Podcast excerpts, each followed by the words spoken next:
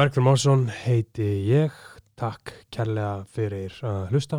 Ég kann að meta, kann að meta alla á sem að taka sér tíma og hlusta á þennan þátt. Mér finnst gaman að gera hann, vonandi finnst eitthvað gaman að hlusta. Uh, takk fyrir öll skilabóð sem ég hef fengið, ábendingar uh, og hitt á þetta og bara setja smá virðingu á nafnið. Ég kann alltaf að meta það. En já, í dag er rosalega þáttur, uh, engin annar en Friðrik Robertsson, Flóni, hann er búinn að eiga rosalega síðustu dag, Eurovision, uh, nýtt myndband, þú veist, hann er framann á öllum einhverju gleregnavestlun, margir búin að tala um það, bara vorðlega silvatn, uh, allt í gangi hjá okkar manni, nummer eitt á Spotify. Uh, þetta var frábært spjall, gaman að tala við hann, gaman að heyri honum, svona, hann er með, svona, gaman að fá minn mann hérna í stúdióið, uh, en já, þannig að ég vildi koma framfæri uh, Spotify-playlista sem að ég bjóð til, bara svona upp á stemminguna, fyrir þá sem hlusta áttinn og kannski hafa áhuga á því hvað rapplög ég hlusta á þá bjóð ég til uh, playlista sem heitir Kraftbyrtingar hljómar Guðdómsins. Og ég held ég geti bara leita að honum á Spotify og þarna er ég bara að sitja bara svona jafn, jafn nóðum þegar mann eftir einhver lægi þeir hlusta á eitthvað fullkomur aflæg þá bara hendi ég þá enga inn.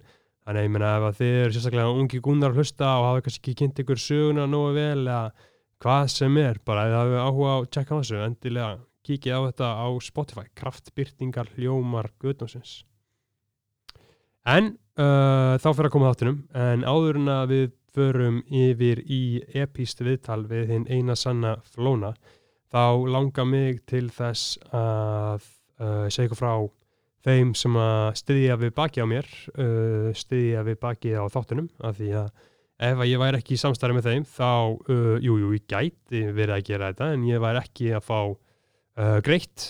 Og það er náttúrulega að maður þarf að lifa af, þannig að erfið tímar í samkvömmbandinu og allt svona en að bara mjög þakkláttur fyrir þessi tvö fyrirtæki sem að styðja við bakið á mér.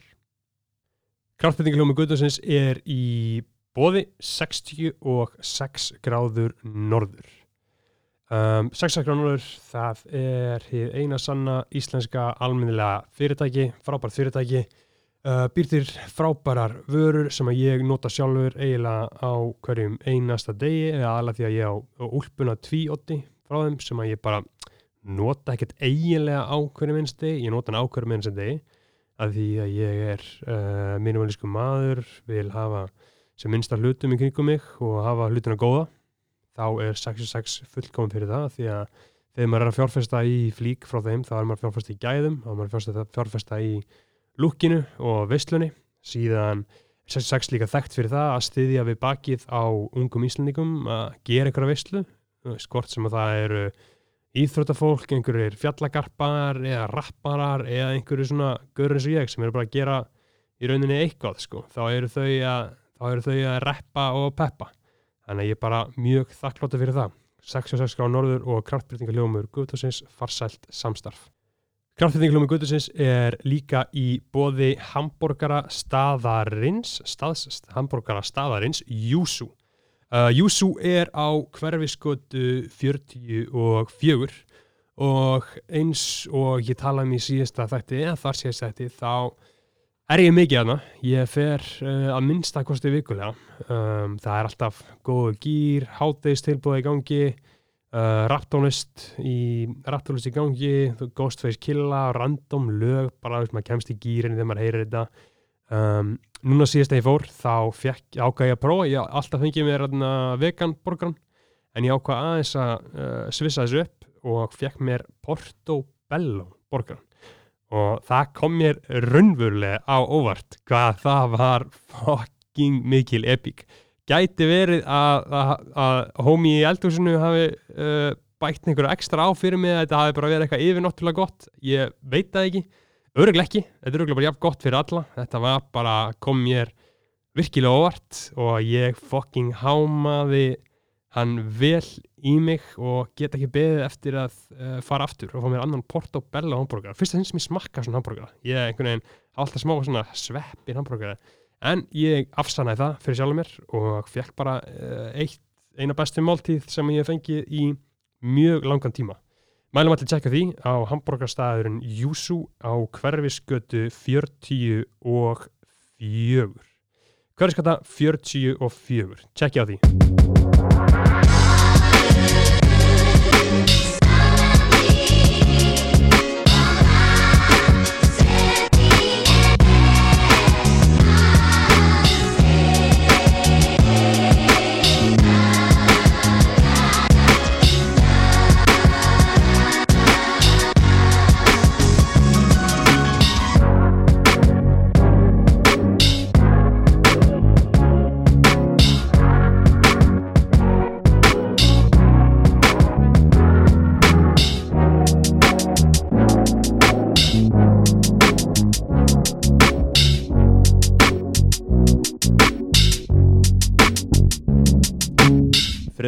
Róbertsson uh, Flóni, verður velkomin Takk hjá að vera það Hvað segir maður?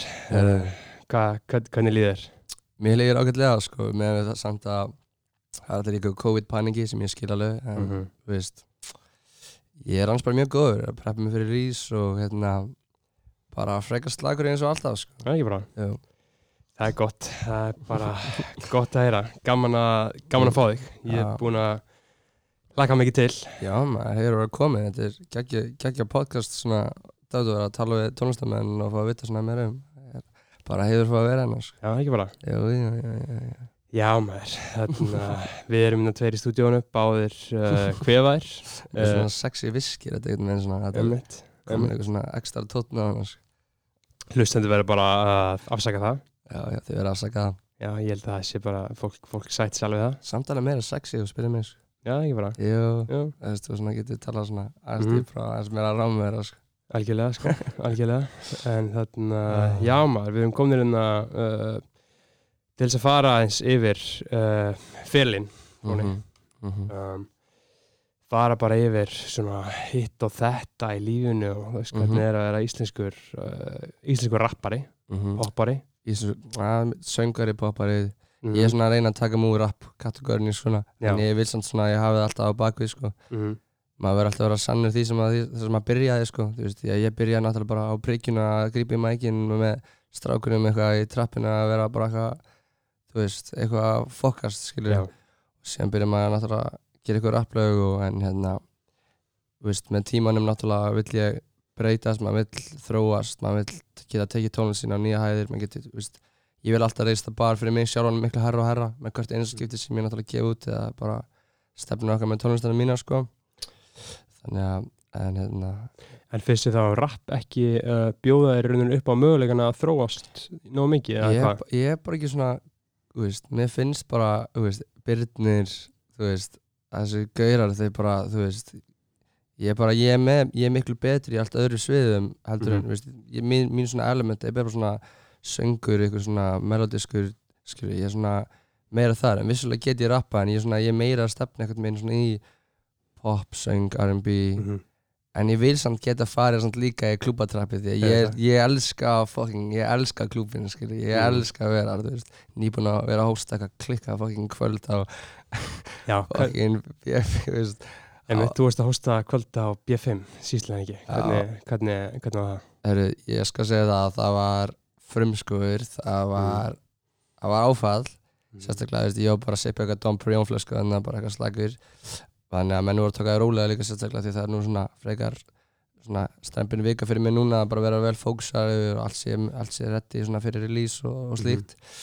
Þannig að menn voru kannski ekki eitthvað alveg á því sem margir annar í Mhm. kring skilur en þú veist, maður var svolítið að skemmta sér. Mm en þú veist, á, svona, á svona kvöldum þá þá er alveg mikið álag ég fekk minn mann að nekert með mig ég veit, ég veit ekki hvað hann heitir en hann er svona sjúglega massa gæi Mm. hann lítur út eins og eitthvað svona bulldog og ég sagði bara, veist, ég bara byrjum bara, jó þessi gaur verður bara að fá að vera hliðina mér allan tíman.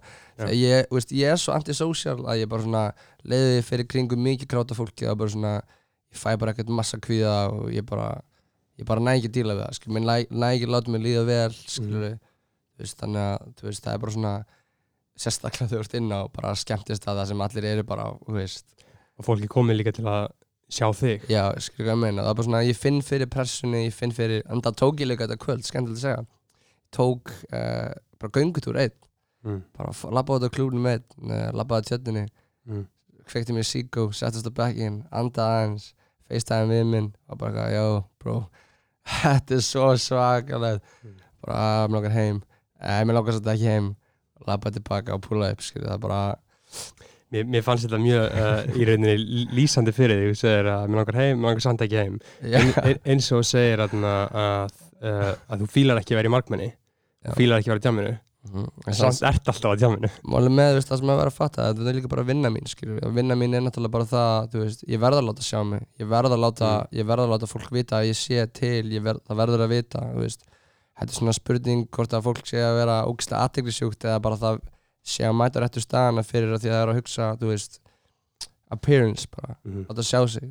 Ef ég mætti kjósa var ég alla dag heima sko. Já, skilur hvað ég meina, bara En- heima í kósi í stofunni bara með, þú veist, í róliheitunum en þú veist, það eru sem er hluti sem þú verður bara að gera og fylgja eftir sem tónlistamæður og, og mæta á viðbyrðu og, og gera bara, þú veist fylgja social media, ég veit ekki hverju þessu hinnu bara því þú ert tónlistamæður sem óberi manneskja.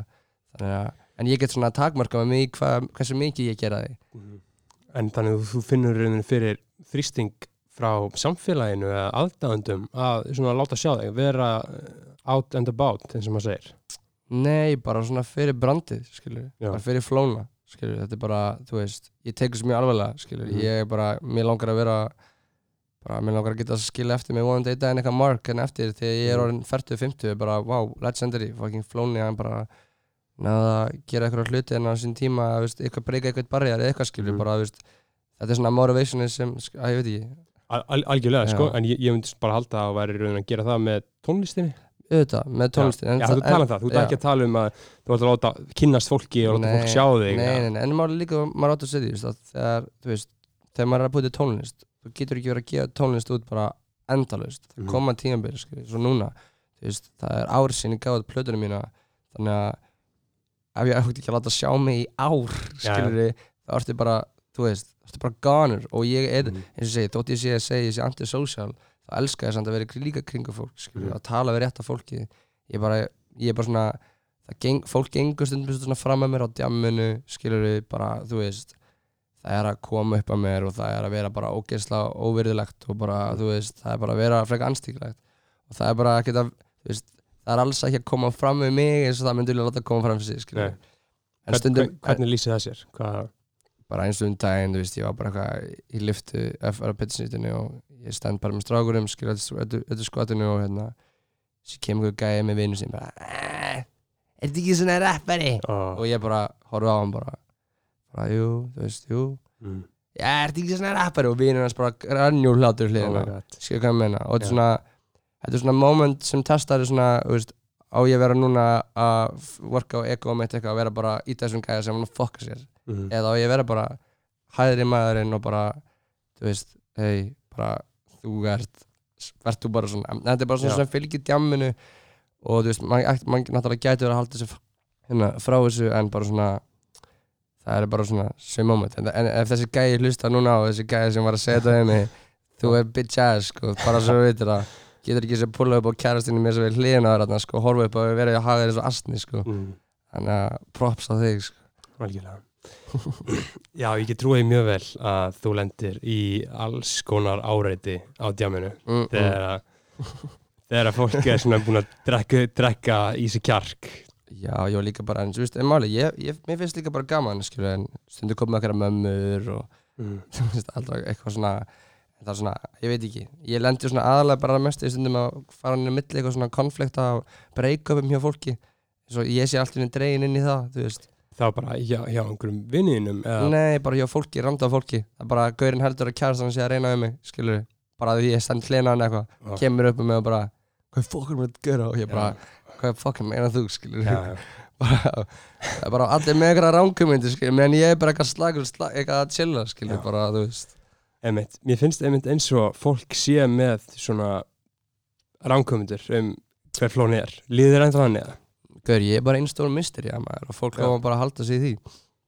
Ég er hérna þú veist, ég mun, ég er, mjög- er persónulegur ég vil hafa allt, allt persónulegt fyrir mig ég vil ekki að fólk vita nákvæmlega hvernig ég er. Mm. nema mínir nánustu vinnir, skilur, mín fjölskylda þú veist, skilur, þú veist, Mhm. þú veist alveg hvernig ég er, Já, skilur ég, ég veit það.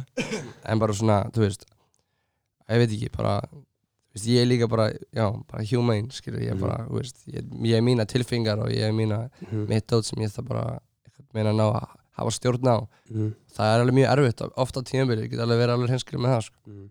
að því að mér líður sko eins og svona uh, openbar personaðinn hún kannski svona er það er kannski tvær, raunin tvær hliðar af flóna sem Mhm. að almenningu þekkir Mhm. að því að þú hefur komið í viðtöl þú talar mikið um og í tónlistinni og talar um að þú sett bara mhm, mikil tilfinningar maður og, mhm, og ert bara frekar mjúkur inn við beinið og sýnir mikla tilfinningar og alltaf eitthvað ástfangin í ástasorg og eitthvað svoleiðis. Mhm, en síðan ertu líka með uh, uh, pörbildin sko sem er að tala um bad gellur og mhm. poppa pillur og þetta er, þetta eru basically tveir, þetta er púkin og þetta er Já. þetta er svona þetta er, þetta er svona ég veit ekki, ég sá, YMI Melly tala um þetta í viðtali. Já.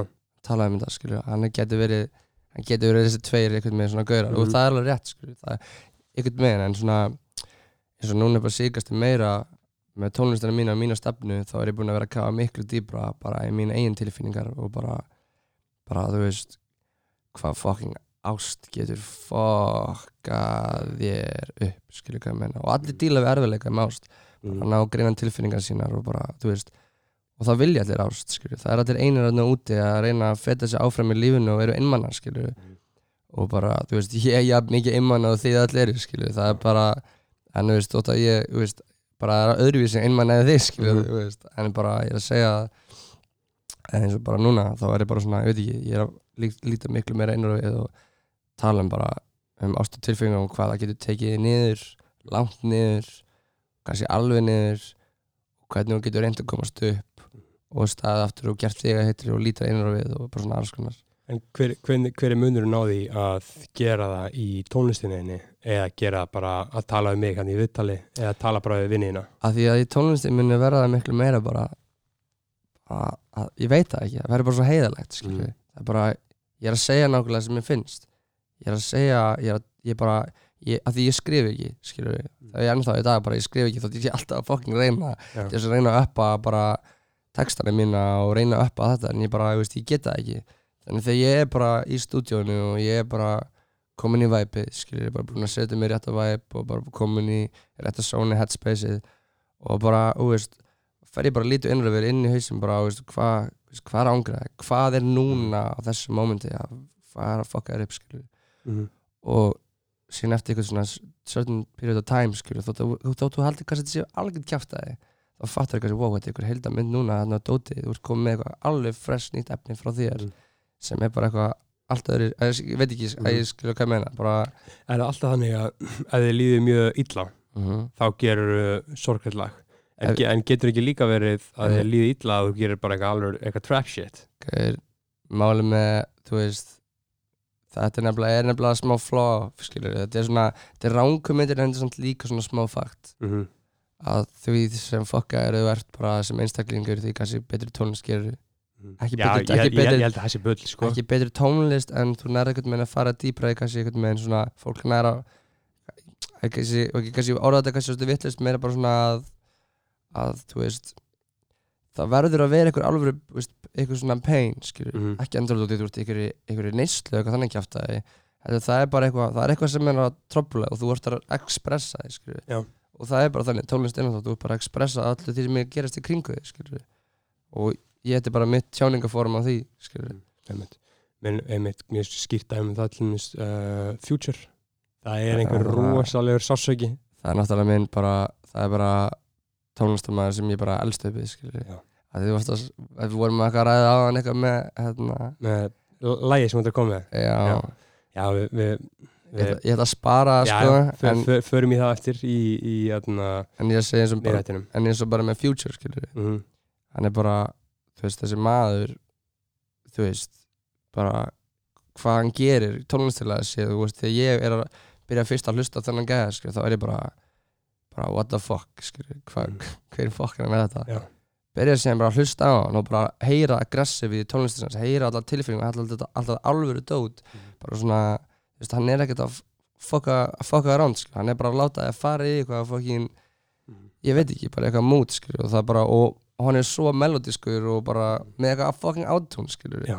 kafar einhvern veginn onni sig og finnur einhverja tilfinningu og kemur hann út í lægi sko. Einmitt, þú veist, og hann er bara eitthvað, þú veist, þú veist, hvað er hann, færtur eða hvað, skilur, eða 38, 35 ára, skilur, þú veist, og hann er bara svona, ég veit ekki, Mhm.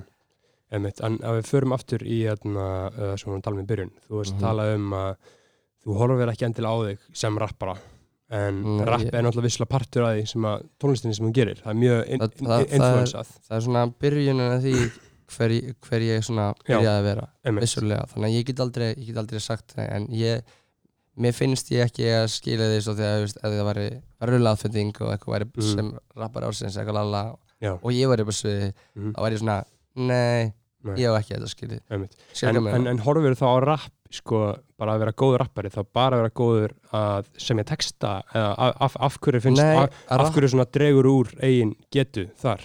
Máli með rappari og elskulegi vinnu minn og bara bara bróðir, mm Byrnir Byrnir, já. Þa- þú veist, ég var að fá bók sem, eftir Stein Steinar núna frá óttar mínum í, í, í Amanskjöf og bara svona var að lesa gegnum ljóð og bara svona hann er með tímin og vatni eða tímanu vatni og, er- tímin, tímin og, og trappið já, og hann er að nota orð sem hafa enga merkingu mm -hmm. en þau láta það feel us some type of way Mm -hmm. þú veist, Byrnir, ef við hlustað núna nýju demonu hans og allt sitt sem hann er að gera skilur hvað ég meina og bara heyra orða bara orða veist, snúningin sem hann er að gera þú veist, þetta er bara eitthvað svona dót sem engin annar fokkin er að, veist, er að gera. Þannig að, þú veist og, og Byrnir er að gera og mér finnst það bara svo að flott. Þannig að, þannig að þá veit ég bara, veist ég er bara skilur það, ég veit ekki, það er bara svona bari sem hann er búinn að setja og mun setja líka fyrir rapsina er bara þú veist, það er bara eitthvað, þú veist já ég, ég, ég skil hvað mennar eins og Byrnir hvernig hann einhvern veginn orðar þetta ljóðrænt skilur og hann, er, og, og, og hann er ekkit, það er ekki svo hann sé búinn að lesa fullt af ljóðbókum og jú, hann er vissilega búinn að fræða sig en hann er bara með þetta inn í hausnum. Þjó, þjóðaskáld sko. Skilju, það sem ég meina þú veist, þannig að hann er bara að vera alveg honest á því hvernig veist, hann líði, þetta er bara, veist, ég veit ekki bara hann er bróður, ég vona að hlusta á hann þátt og, og heyri þetta og, en bara, fucking en, en ég, ég skil sem ekki hvernig það á eitthvað að draga úr þinni eigin getu ok, mín eigin geta er samt, ég er bara öðruvísi já, Skilur. algjörlega ég vil meina, þú veist, þegar ég tek í þú veist, eitthvað svona rapt svona dæmið, það er bara svona það var miklu meira svona aggressiv hliðið mín það er bara svona Mhm. meira ég er bara með attitude, skilur mm. en, en að samanskapið þá líga uh, til dæmis og lægin sem þú og Byrnir Mhm. gerðið þarna hvað heit það? Á, á sa- sama, sama stað? Fyrstu sama stað? Þetta er rétt að byrja? Er rétt að byrja? já, rétt að byrja Rétt að byrja? Og sama það, staði og- það, það, það finnst mér einmitt uh, besta versið þitt Einmitt. en finnst það að vera rappla til dæmis Já, þe þegar að þú rappar hana er að fara lengra niður, ekki lengur sjálfur mér, Mér ég finnst- get einhver stjórn mér finnst það nefnilega málið með ég, ég horfur á það og geði mikið sem bara svona hraðan söng hraðan söng melodía Já, en, En- ég, ég veit, ég já, málið já, með náttúrulega Drake kom og bara fucking súskaði í öllu Já, ég veit það bara, gauð. og það er bara svona, þú veist, það er, svo, það er nefnilega málið, þú veist, bara, ég, þú veist, bara box ekki neitt, skilur, Mhm. líka bara, þú veist, það er bara gott, tónlistilega fyrir mig sé andlega, bara vera ekki að boxa mig niður í neitt, en samt hata ég þegar fólk hata mig rappara, skilur, Já, af því að ég vil, ég vil vera, mér finnst að vera svona eins og, það er ekkert að því, en bara svona, ég vil ekki boxa mig inn, ég vil vera, ég vil vera bara ég vil en, bara, en, en sá, sástu hvað hann að Sway Lee var að tala um um daginn? Nei, Sway Lee var að gefa út nýtt lag. Sem að þetta, Já, já, Someone Said hana, já.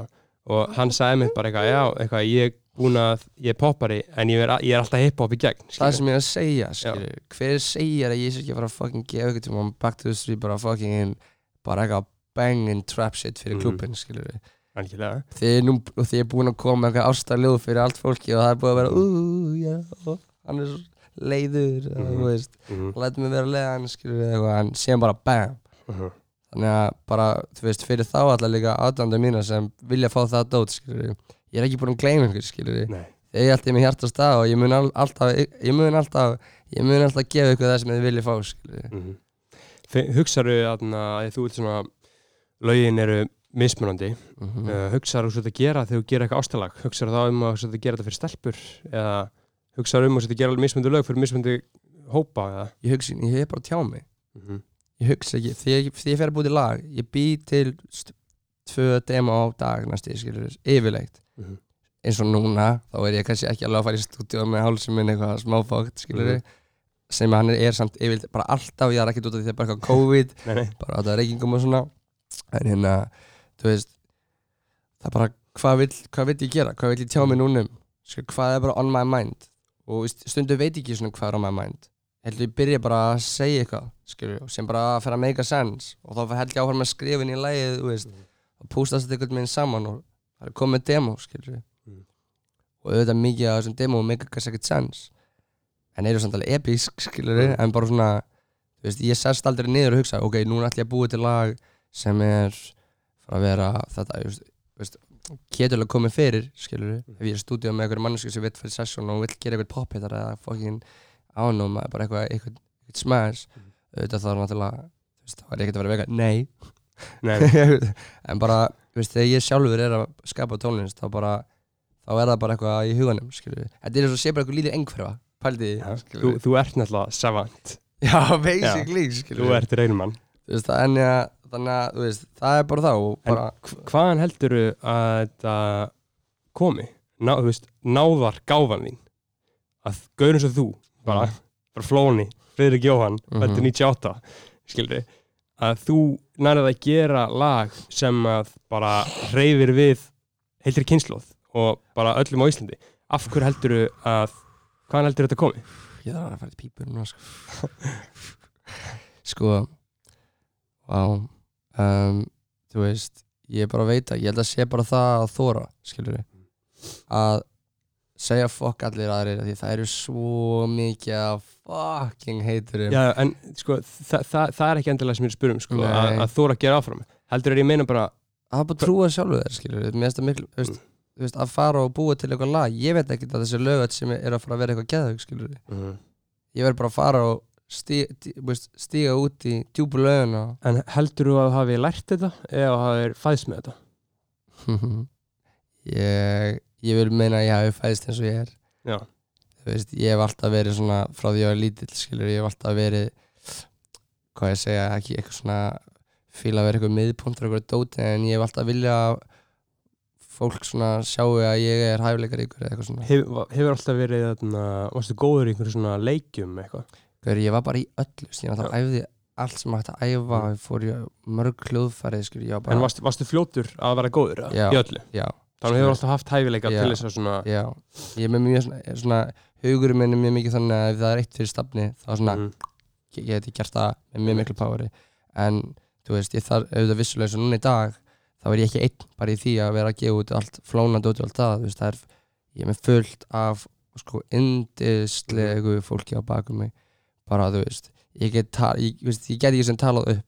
Bara sem fólk sem hefur veitt mig bara, þú veist stöðning, mér er svo þú beggi, skilur Já. sé hvað ég meina, það er bara, þú veist bara hefur hjálpað mér að vita og með stefnu og bara, þú veist, þannig að ég er ekkert líka bara einn í þessu, skilur, þannig að fyndi að segja frá því back in the days, Mm. þá ætti náttúrulega fyrst að plata mig að heita einn í þessu að ég var að segja þetta núna og ég bjóti svo fokk stúpir aðeins cover að Einn í þessu. Var, var það, var það fló, fl- flóni EXO? Einn Já, þetta var eitthvað svona kjaftaðis, kjaftaðis, sko, þetta Mm. var þau, þú veist, gleyma alltaf, síðan náttúrulega var eitthvað, eitthvað sem líka, eitthvað dót inn á, ég ætla að klýra það líka upp, en eitthvað sem líka náttúrulega inn á Spotify mitt, sko, var ekki ég Já. sem var að gefa það út unreleased lögin, sko, Það var hræðilegt. en það var að finna út hver það var, en það er alltaf góð.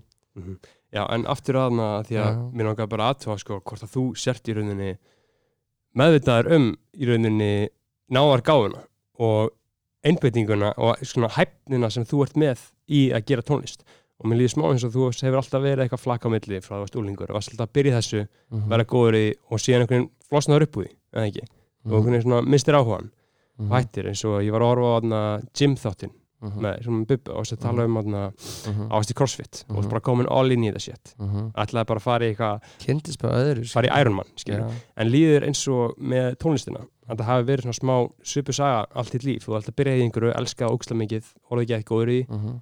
en tónlistin sé svona fyrsta sem að kannski stikkaði almennilega, eða hvað Sko, tónlistin fyrir mér er bara svona love and hate smá, skilur þetta er auðvitað elska ég tónlistina og ég elska alla sem fylgja henni og allt það en þú veist, þetta líka hefur alveg sinn ógislega mingum toll bara fyrir mig sjálfan, skilur hvernig það? bara andlega, skilur Mm. þetta er ekkert, þú veist eins og segja, ég er með tilfinningar og ég er mennskur skilur og þú veist, það er ekki svo ég sé ykkur súbumann en þú veist, mér er samt alveg drullu sama þegar fólk er eitthvað bassa að heita skilur, Mhm. en ég er samt mennskur Já. ég get alveg tekið hluti minna mig og þú verður að vera sterkar en aðrir og svona allt mitt líf skilur hefur oft ég hef upplegað með ykkur svona, ykkur svona bassu og svona, þú veist. En ég hef alltaf verið nógu sterkur að Mm. halda haustum uppi og sína og sanna fyrir þessu fólki að þú veist að bara það á ekki sjans skilur Já, af því að þú hefur alltaf verið uh, með ágæði sjálfsöryggi. Já, en ég er ekki, ég skal segja ykkur það að ég er samt, þú veist, ég er ég er fucking það er allir með þetta insecurity shit það er allir með þetta dót, skilju ég er ekki í standi en eitthvað fyrir framan allt, skilju, og ég er bara, herru, ég er fullkomin eða eitthvað kannin kjæft það veist, ég er líka bara til og með mitt Hvað eru svona helstu uh, óryggin hjá þér? Já. bara, þú veist, tónlistilassi Finnst þú ekki verið náttúrulega góður? þetta er bara þannig, veist, þetta er bara, þetta, er- þetta er bara þú á móti þér alltaf, skilju Mm. þú veist, finnst ég vera alveg fucking með þetta en þetta er bara fucking þú á móti þér það er enginn sem er að segja við mig eitthvað, eða ég sé eitthvað rökrað við eitthvað mann heima, eitthvað, já ég er ekki nóg góður eitthvað þannig kjátt þetta er bara þú að ná að loka á þær hugsanir sem þú fær í haustum að þér. Bara, þú ert ekki nóg góður akkur þetta að gera þetta, þú ættir kannski ekki verið að gera þetta. Mm. akkur hættur ekki í þessu? Farðu að leiða öðrum að taka yfir þetta og bara fættu að geta og fyndu þér eitthvað venjulega vinni og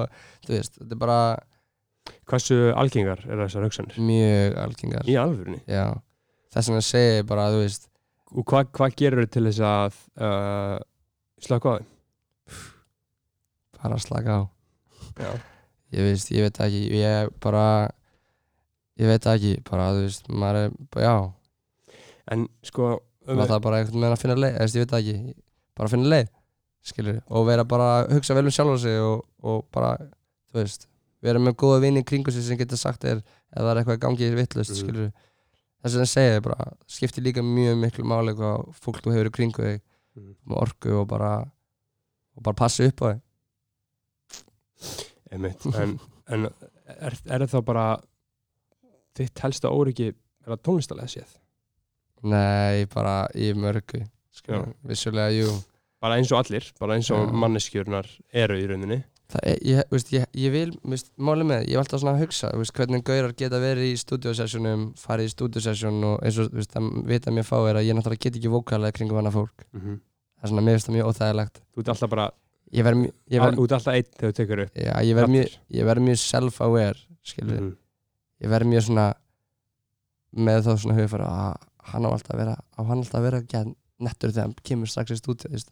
það er ekki þannig, það tekur tíma að gera góða tónlist, getur að tekur tíma, veist, þú, það er ekki sem púla bara eitthvað upp í, í hérna, í stúdíu og bara fucking, þú veist, bara fucking gera það, ég, ég veit það ekki, allan að þannig, bara, svona líður mig bara, skilur og veist, ég get ekkert gert í því. Sem er að smera frá þarna, uh, Mm. þú veist, þú ert í stúdíói Mhm. með öðrum gaurum, Mhm. eða öðru tónlistar, tónlistarfólki Mhm. Al einhverjum, einhverjum, einhverjum rappurum og drappurum my, goons, my bros, my family. Byður mennum að fara út á meðan þú tekur vokalinn Nei, ég get alveg verið skilur, en Mm. bara svona ég get ekki haft bara hvert sem er inn í stúdíu en get ekki verið bara þú veist, þú veist ég ætla bara að bylla eitthvað nafn. Nei, mér dætti ekki svo nafn í hug mm. en skilur hvað að meina. Verður að vera að gaura sem ég þekki skilur að vera að vera fólk vera að, þú veist, bara syngurinn skilur. Mhm. En, þú, en þú vinnur voða mikið bara einn, einu lokaður eða ekki? Á því ég er náttúrulega eins og ég segi, pródúsar mikið þannig ég er ekki pródúsar mikið af mínum hugmyndum strax skilur mm -hmm. eins og segja, þetta er ákveðin einhver að vissu leiti, skilur, en þetta er bara Mm. svona Mér finnst það að, aðalega áhugavert þegar ég hef uh, fylgst með að vinna. Uh uh, þessi, þessi einbeiting. -huh. að þú getur bara uh, setið í tvo klukkutíma án þess að þess að kíkja síman meira en það, Já, miklu meira en það. Ég er bara, það er bara ég, ég er bara sem ég elska að gera að að Mm. þú ert að búa til tónlist. Ertu bara með gæsa út bara eitthvað tekni, tekni einhverja, þetta inn? Já maður, ekki, ekki, kannski ekki gæsa því að hæja þetta en skilur ég bara þú veist, þú ert að worka með einhver hljóð og, og þessi hljóð öll, þeir láta þig líða einhvern veginn, skilur mm -hmm.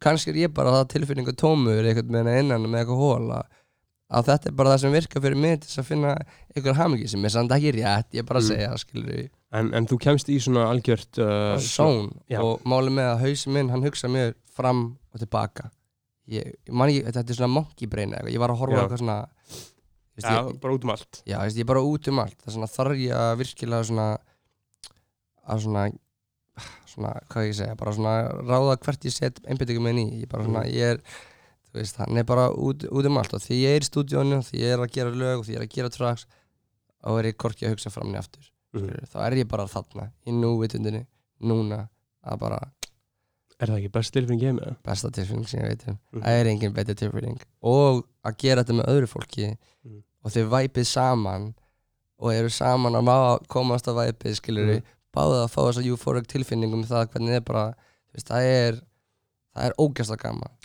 gerist það oft með öðrum? Já, það gerist oft með hana því ég líka er ekki að fara í stúdíu með hverjum sem er mm.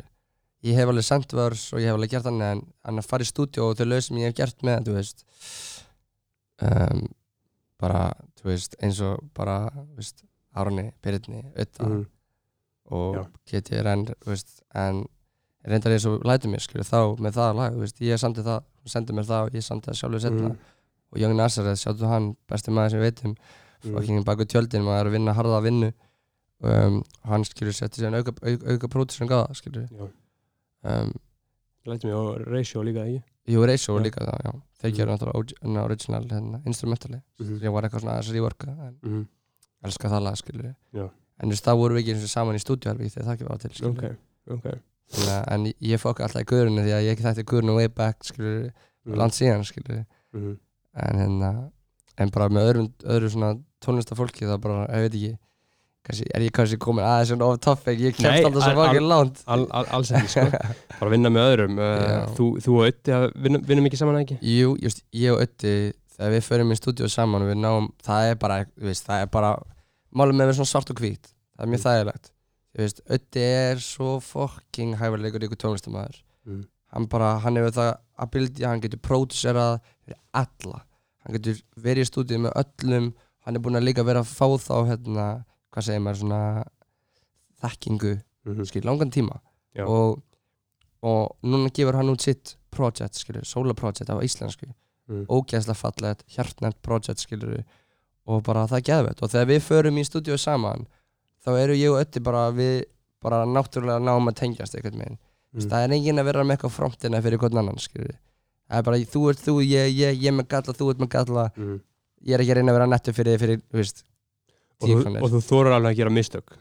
Það er nefnilega málið mm. skilur þú vilt ekki vera í stúdíu session þar sem eru gauðra bara eitthvað þú veist, bara þeir eru svo stífir Mm. að þeir bara þeir get ekki hugsa creatively skilur Mm. því að creative processin er bara nei þetta er ekki flott.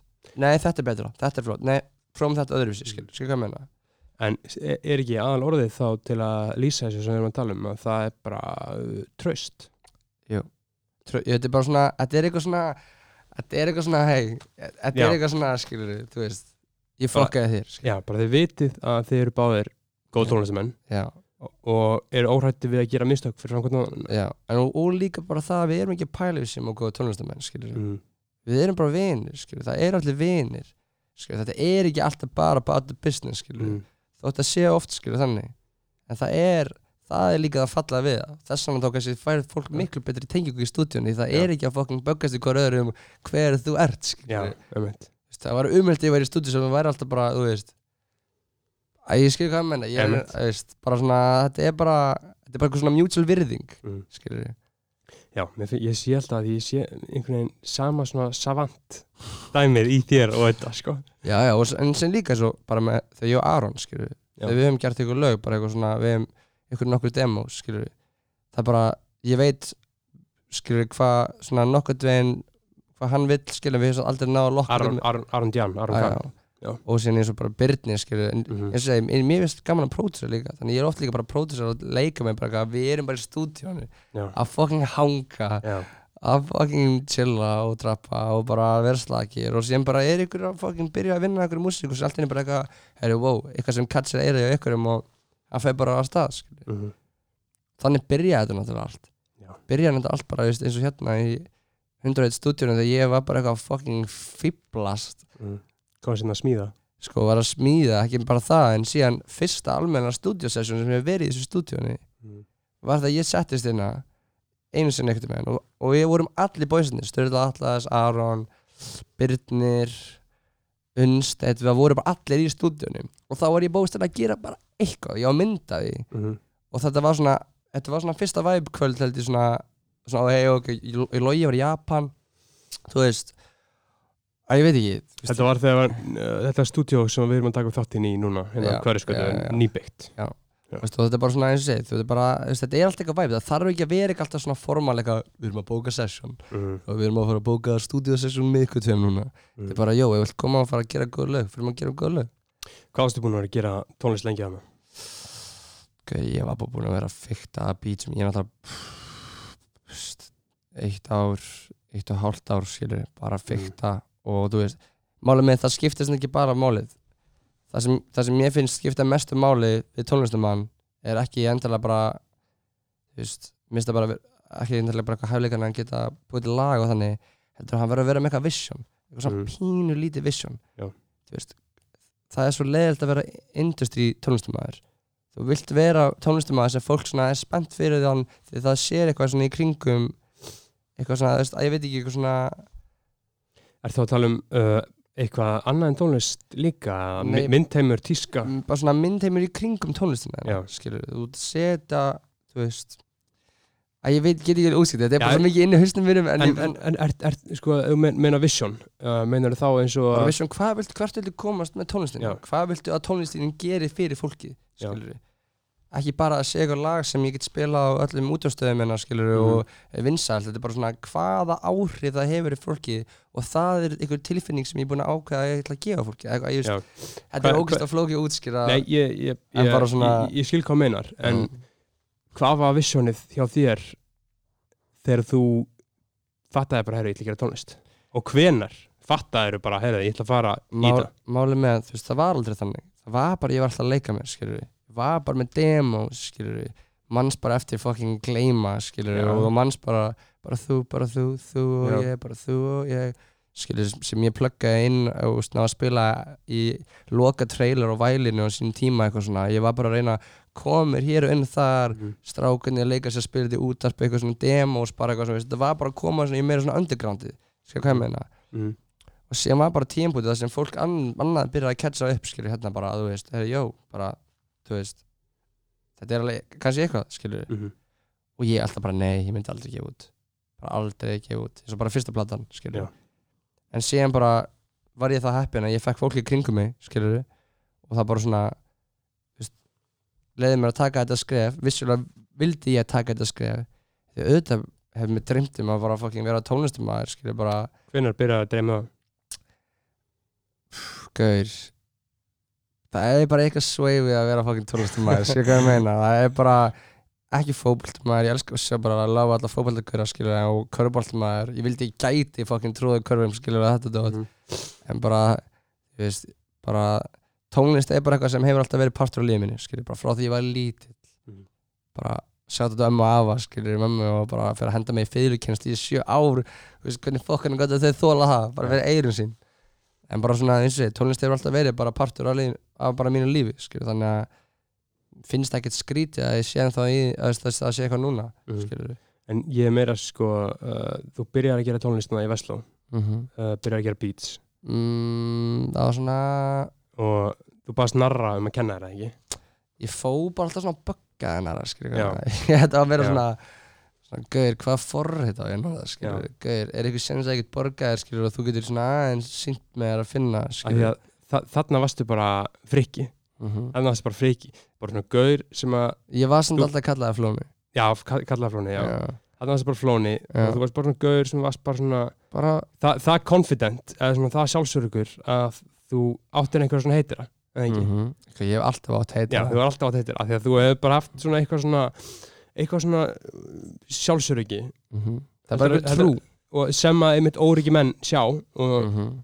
byrja þá að heita eða ekki, það er ekki rétt hjá mér? Jú, jú. og það hefur fyllt þér enn Mhm. og þú hefur alltaf haft þessa trú á sjálfa eins og talar um aðan Mhm. en, og þú byrjar að gera tónlist Mhm. en mér langar að vita sko hvenar var eitthvað, var eitthvað moment sem þú sást bara, heru, shit maður ég hef kannski bara gert alveg tónlist bara því ég gáði plöður mína fyrst og hún meikaði bara hún fucking gekk fucking vel upp bara, nei, því ég gáði að tala saman og leika, skilur við bara það- var það ekki fyrir þá? Uh, jú, það var náttúrulega því að ég var að taka eftir að öll lögum minn voru dreifingu skilu en síðan færum náttúrulega, þú veist og var líka og fólk var að senda á fullu og á milli ég, ó, það er svo gaman þegar þessi tími var því að þetta var Já. líka svona fyrir Það Aron og strákana Já. en þetta er ekki núna sko, þetta er í hvað þetta var annar tími það var svo episkur tími Já. bara, hei, jó, ertu með þetta laga og fólk bara, má ég borga tvö skatt fyrir þetta laga Veist, þetta var bara Mhm. svona þetta var sjúkt Já. þannig þegar lög, man, þegar veist, á þessum tíma Þa- Þannig við í rauninni útskýrum þetta fyrir hlustundum þá var Mhm. þetta, hvað, svona sumari 2016 já, 17, svona áður Já. en að þú gafst út ári, hálfa ári þá var þess að þannig að þetta týðkaðist að það voru bara lög í dreif, dreifingu. Og þarna var svona nýja kynnslóðan að koma upp.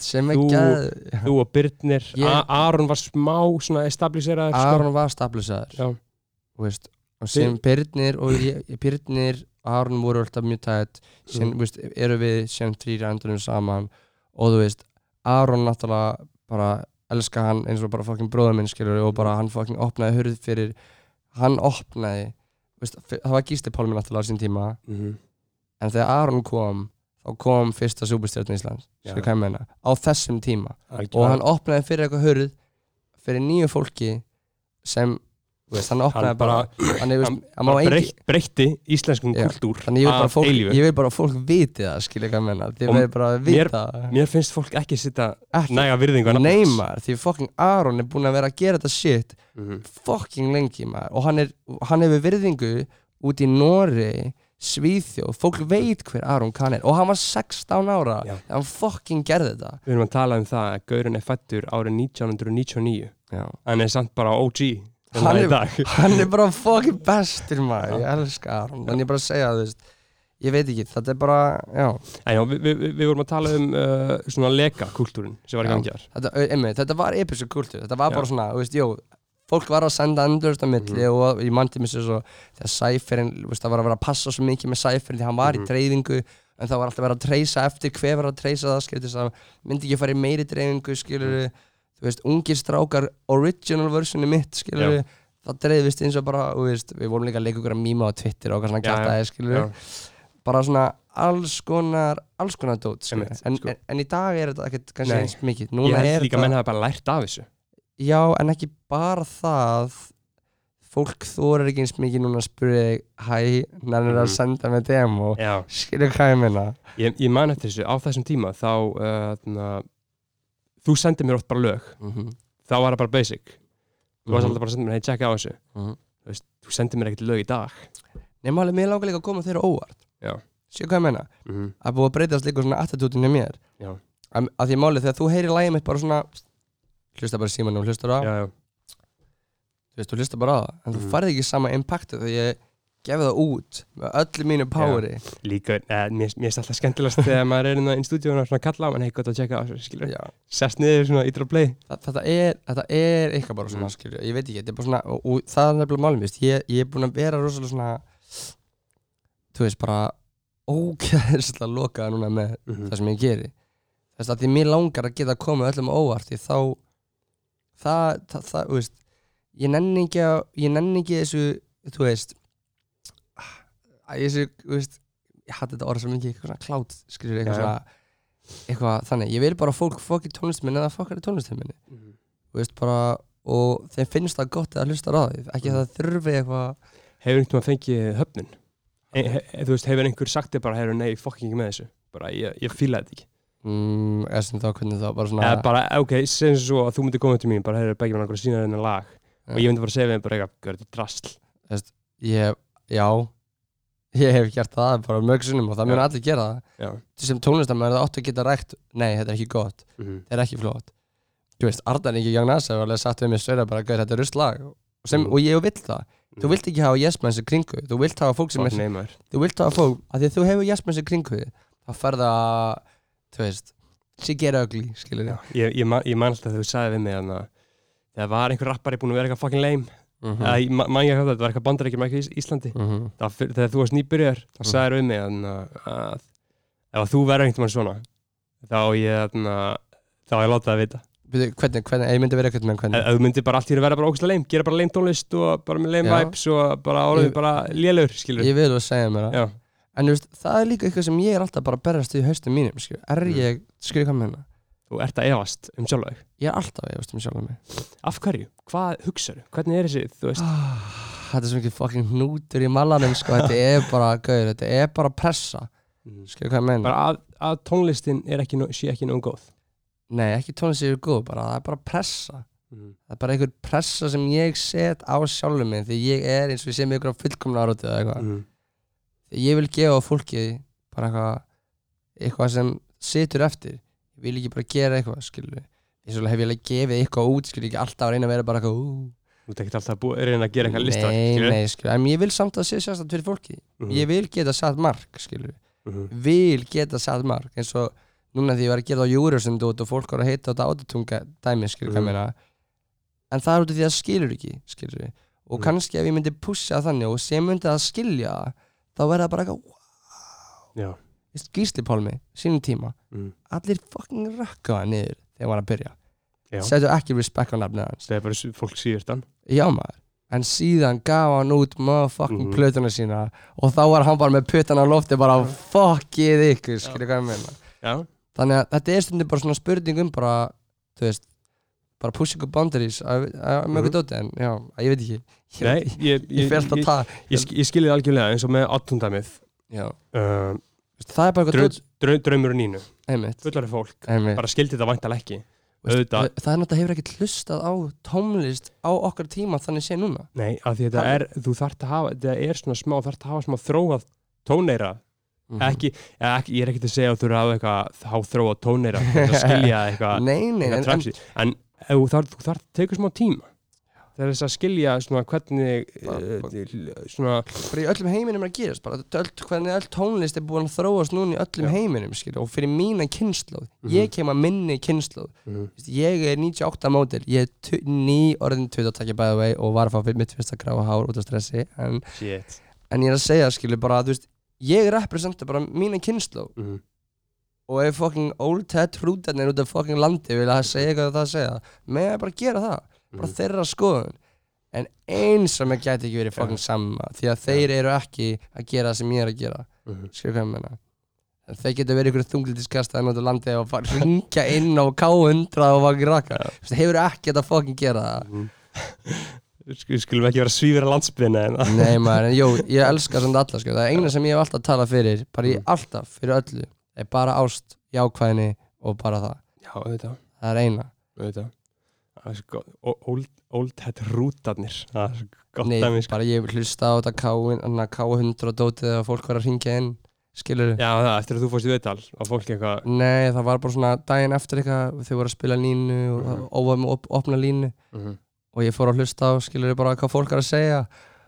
Og eitthvað svona gaurar að ringja inn já, ég er búin að vera tónlistumæður í 50 ár og hann er ekkert að nota autotúgreina rétt. Wow, skilur hvað ég meina en þú veist, hei, ég er bara að elska alla og það er, veist, það er ekkert heitin í gangi skilur, en Nei. ef, en ef fólk fílar mig ekki, skilur þá bara megið ekki fíla mig, skilur ég Mm. þarf ekki ykkur að prófa til þess að geta haldið áfram að gera mína tónlist, skilur Nei. er þetta þá allt bara þú þarf bara í rauninni samt ekki frá sjálfu þeirra er það ekki aðal einu sem skiptir máli, fyrir hvernig er ég að gera þetta Mhm. mig sjálfan, Já. en stundum ferður líka question um það, mm. ertu ennþá að gera þetta fyrir sjálfu eða ertu að gera þetta fyrir aðra, skilur Mm. Vist, ég er bara með einhvern haus ég er bara svona mega, me- hvað er það með stóra rísa hausina maður Ja, Mojo eða hvað, Ah, heitir ég man ekki allan hvað heitir allan að ég er bara með haus mm. sem hugsa bara mjög mikið já bara, ég hugsa mjög mikið mm. bara öll engulega hlutum þannig að þú veist áttaka sér til að ofugsa hlutina já, en stundum er það líka bara gott mm. en stundum er það hræðilegt Já. og þá þarf það að róa það niður Já. slaka það svo algjörða Já.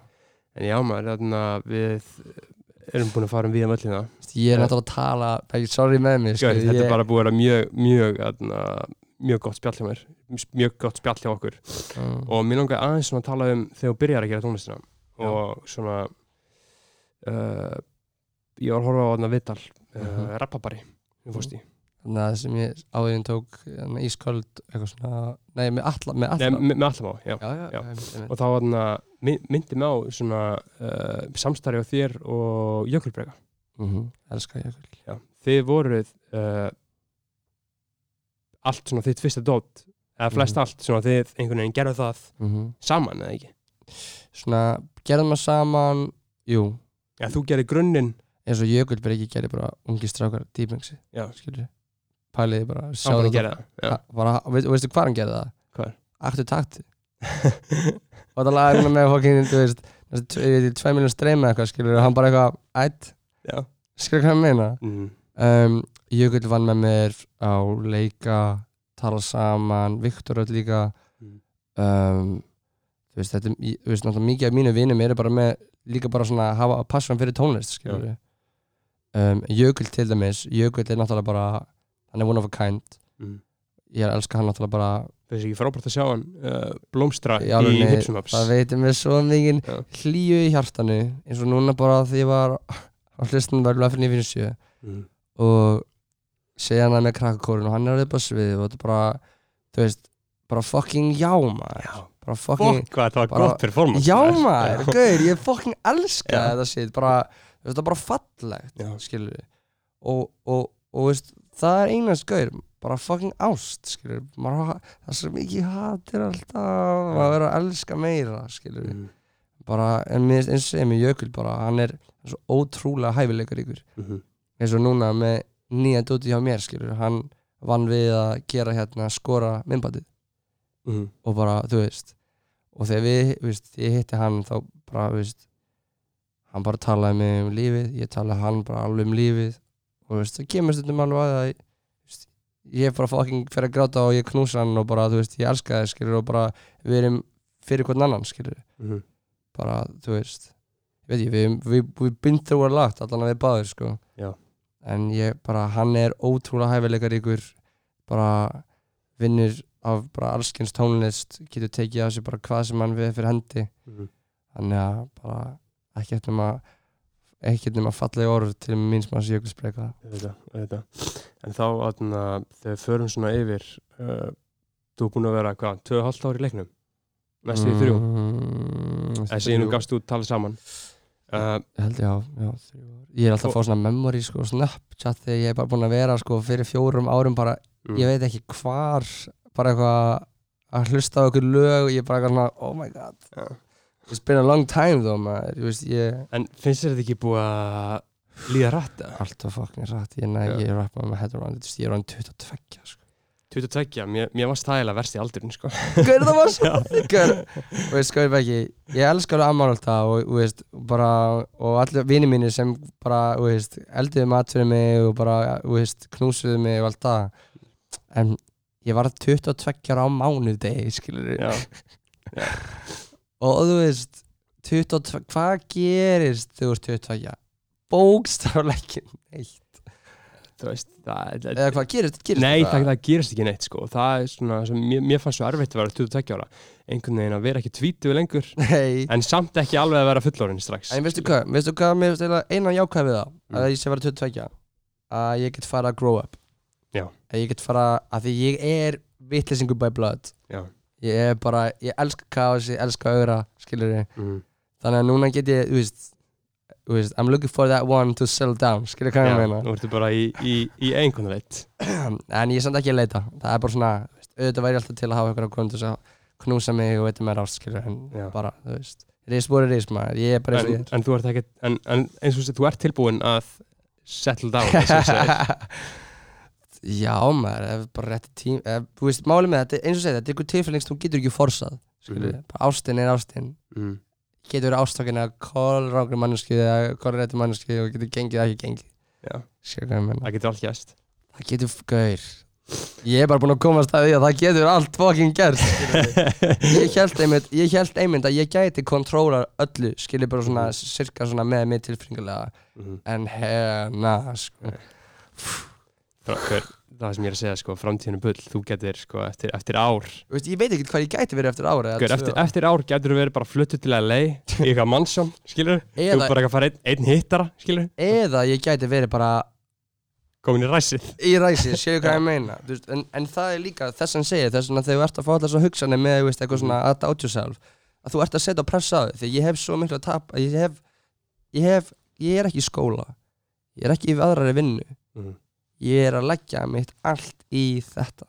Allt undir. Þannig það er allt undir. En þetta er líka það sem en skilur þú ert samt forhænda king frá, eða skilur þú, þú mundir aldrei, þetta er ekki skilur mm, þú ert eins og flestir íslendingar að þú ert með gott örgisnett skilur já en samt báði fólður minn búa erlendis. Ég fæ engan fjárhaldstæðan stuðning frá þeim skilur ég vissulega fæ að búa heima hjá móðum minni Já, sem býr erlendis en ég fæ engan pening, ég fæ ekki Nei, nei. ég þarf að sjá mig sjálfur sem er Mm. bara þannig mm og það, það hefur alltaf verið þannig -hmm. ég búi einn sem tíndabæk, ég elska fjölskyldum mína og þú alltaf, mamma mín er yndistast koni heimi -hmm. pappi mín er alltaf búið úti skilur þannig að Já, fjölskyldu, fjölskyldu sé það, það hef ég svona alltaf verið veist, ég, amma mín afi alltaf verið staðar, ég alltaf Mhm. getað fatið þeirra en ég er samt á my own, skilur þú er alltaf smá, smá lóner sko ég er loner Já. og veist, núna er shit núna náttúrulega bý ég veist, úti á, ég ætla ekki að segja hvað ég bý en þú veist, það er náttúrulega að setja hann um daginn á DFF en, þú veist, uh -huh.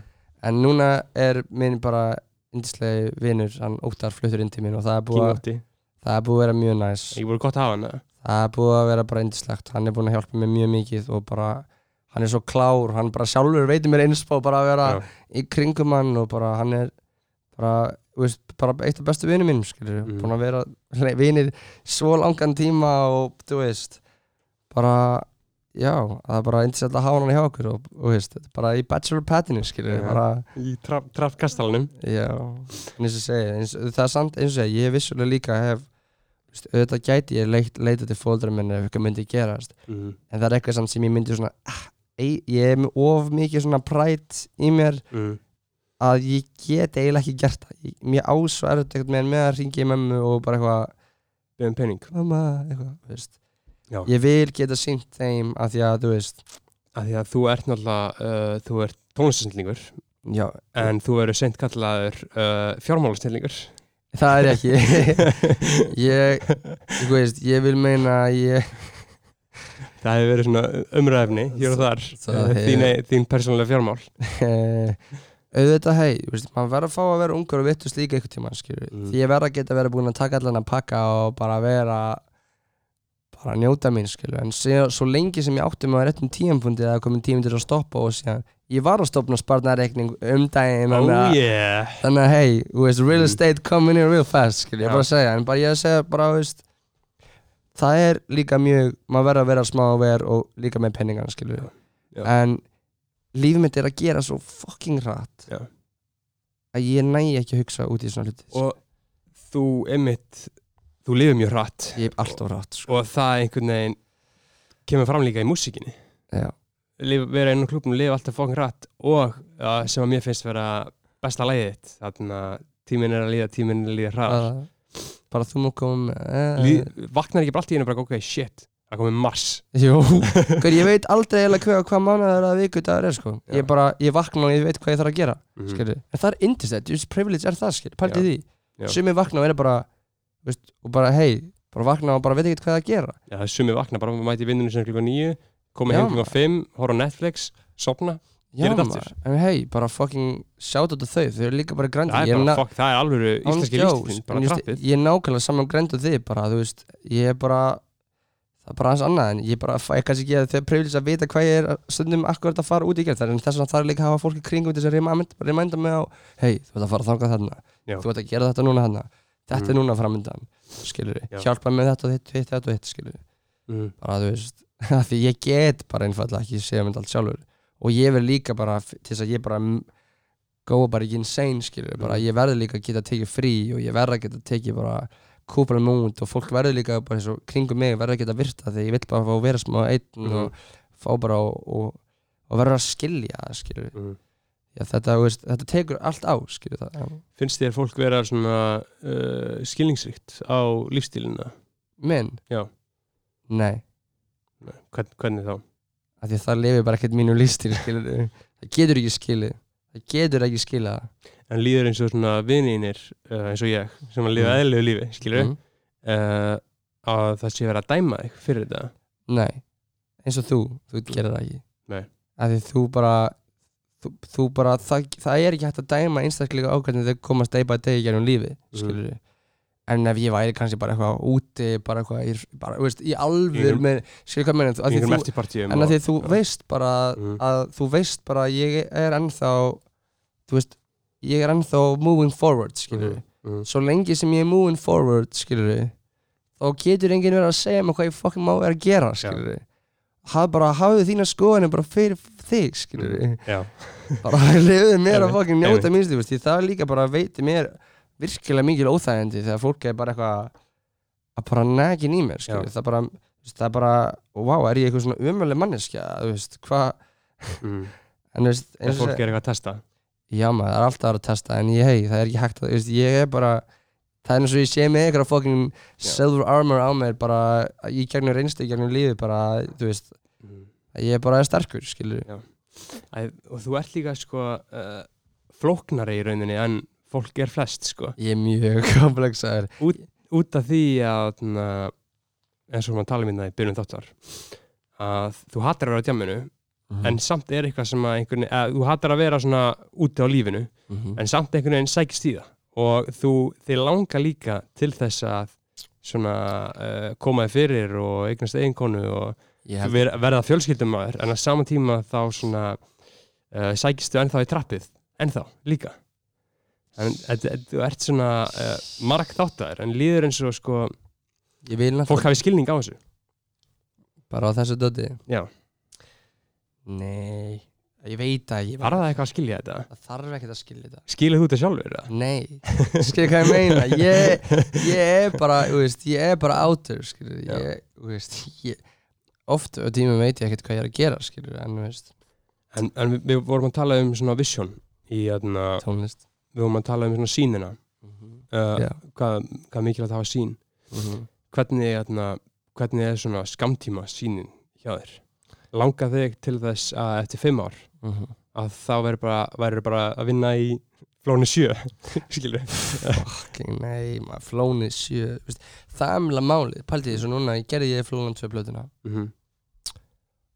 og ég fór að vinna músík náttúrulega, eftir það. Mhm. af því ég verð að gera það bara Já, ma- þetta er bara- er bara í- blóðinu já. Þú veist, það er ekki þess að ég ákveði síðan að vera alltaf inn að koma með eitthvað annað mögulegt project skilur hvað ég Mhm. meina en ef það gerist þá bara gerist það Já. og ef það verður komið eitthvað project og sem verður komið annan project og annan project þá er það bara, veist, ég get ekki ákveðið þetta skilur, ég Mhm. hugsa bara núna skilur og bara það er einu sem ég get gert þannig að var þetta með sín, var þetta með framtíð það er bara að halda áfram að gera tónlist beint frá mér og þá, mm. veist, það er líka það sem fólk vil það vil fá mig, mig að vera mig ekki reyna að vera eitthvað an- að veist, ah, það er svo erfitt að útskýra. Ég bara, ég, ég, ég, ég, ég skil þig sko, Ég þú verð ætlar alveg- bara að halda áfram að gera tónlist. Já, þetta er þá til þú, þú- kannski eftir eitt ára myndi ekki vilja gera tónlist lengur. Nei, veist, ég held að það verði þenni þegar ég mun hægt að gera tónlist er það, þú veist, að ég sé komið með þú veist, real estate. Ég er alltaf einhvers ég búin að fá bara nóga þessu. Já. Þú veist, og ég er alveg oft búin að fá oft alveg nóga þessu skilur bara bara að ekki þjóti núna í fyrra en bara svona áður fyrir ég hef verið bara þú veist, bara þetta er ekki mönnum bjóðandi skilur hvað er þá helst? bara, bara þetta að álag bara á fólk skilur ég er bara, þú veist bara bara, kemur uh, mesta svona vanlíðaninn frá þessu uh, ég ætla svona þess að álíkta mm kemur hún ekki aðalega frá uh, Instagram, símanum? Nei, hún kemur frá því hún kemur svona hún kemur eiginlega bara aðalega frá mér skilur mm. þú veist mér finnst bara eins og, þú veist, bara mér líði bara, mér líði, þú veist ég veit ekki, ég get bara útskýrt mér bara að þetta er bara einhver þetta er bara einhver fokkin þunglindi, skilur Ertu þunglitur? Já, já, já, já Það er ekki minn Það er bara- það er bara já, já, já, en, já, já. en hvernig, hvernig, hvernig, hvernig lýsir þetta þung- þunglitur sér? Basically bara, þú veist að þú vilt participata miklu minna í lífinu en þú actually vilt. Mm. átt að vera að gera. Erfitt að finna lífsgleði eða? Mjög. En samt ertu mjög lífsgleður Ég er mjög lífsglæður, já. Það er með þér, þú ert svo flókin skilur, þú ert þunglindur en lífsgleður skilur, er vilt vara á djáminu, vilt ekki á djáminu það er nefnilega það. Ég er bara, eitt stór eins og ég sagði í dag þess að koma þetta á smá svona skemmtilega svona grínlegan hátt að ég er bara laukur með mörg lög. Já algjörlega. Bara ef þú fyrir upp er það næsta skrýtna lagi og síðan næsta er það bara what the fuck, þú veist, skilur hvað Mhm. menna ég er bara, og ég er bara eins og ég er skilur. Já. og þú veist, ég ég myndi óska þess geti verið svo fucking Jón Jónsson eða eitthvað skilur bara, bara Þú veist, hann, hann býr hjá mér á nesinu sko, þannig að ég er ofta að taka svona ég fer út í smá svona ring á kvöldin. Já, þarna, út til alveg með bellu að ég fer svona öðruvísi ring alltaf hérna, ég lappa hérna og þá lappa ég alltaf fram hjá húsinu hans Jón Jónssonar. Já, og ég alltaf bara svona ah, shit, eitthvað svona damn, hann bara með konu Mhm. þrjú börn, skilur við bara bara alltaf með gítarinn hress, skilur við bara, bara fucking indislegur á því, skilur við. Mm. og síðan er ég bara eitthvað, þú veist þetta er bara, akkur get ég ekki verið bara fucking slagur og vennileg, skilur við. En það hafa líka allir síðan djöfla að díla við, skilur Mhm. þannig að ég veit ekki alveg, ég veit ekki alveg, alveg hvert ég var að fara með þetta en, Nei, þú en- ég hef bara Heldur þú myndir uh, vilja vera eins og Jón Jónsson? Jón ja, líf, Nei. lífsglæður nei, ég er bara eins og ég er og ég er að Já. sáttu með mig eins og ég er Já. ég myndi aldrei vilja vera einn annar En hvernig, uh, hvernig lýsir þetta þungulísir? Vaknar stundum mótnarna bara Fuck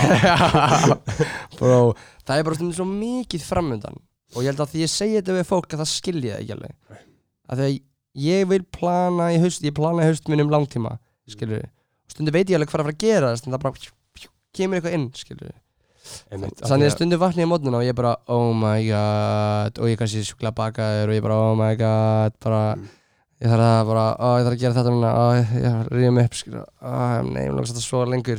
Mm. ég bara að vera heima og láta engan bögga mig. Bara að vera ég út að fyrir mig skilur Mm. en hei, þú veist. Þetta sjóma skóðan já, maður, þetta er bara allt eins og það er maður, ég Mhm. bara ég elska samt lífið og ég elska allt en það er En hva, hvað gerur til þess að uh, berjast á móti þessu, á gegn þessu? Hva, hvað virkar fyrir þig? að tala, tala Já. eitthvað og þú veist, það er mjög erfitt Hefur þú kíkt í sála? ég hef ekki haft tíma fyrir það Nei, mitt en ég ætti að vera búin að gera það, en Sálf King, ég skal segja mjög finna, oh my god einum finna sögu, bara svona, held, held mjög hratt ég ætla bara að Mhm. gera alls hratt, var með sálfræðing.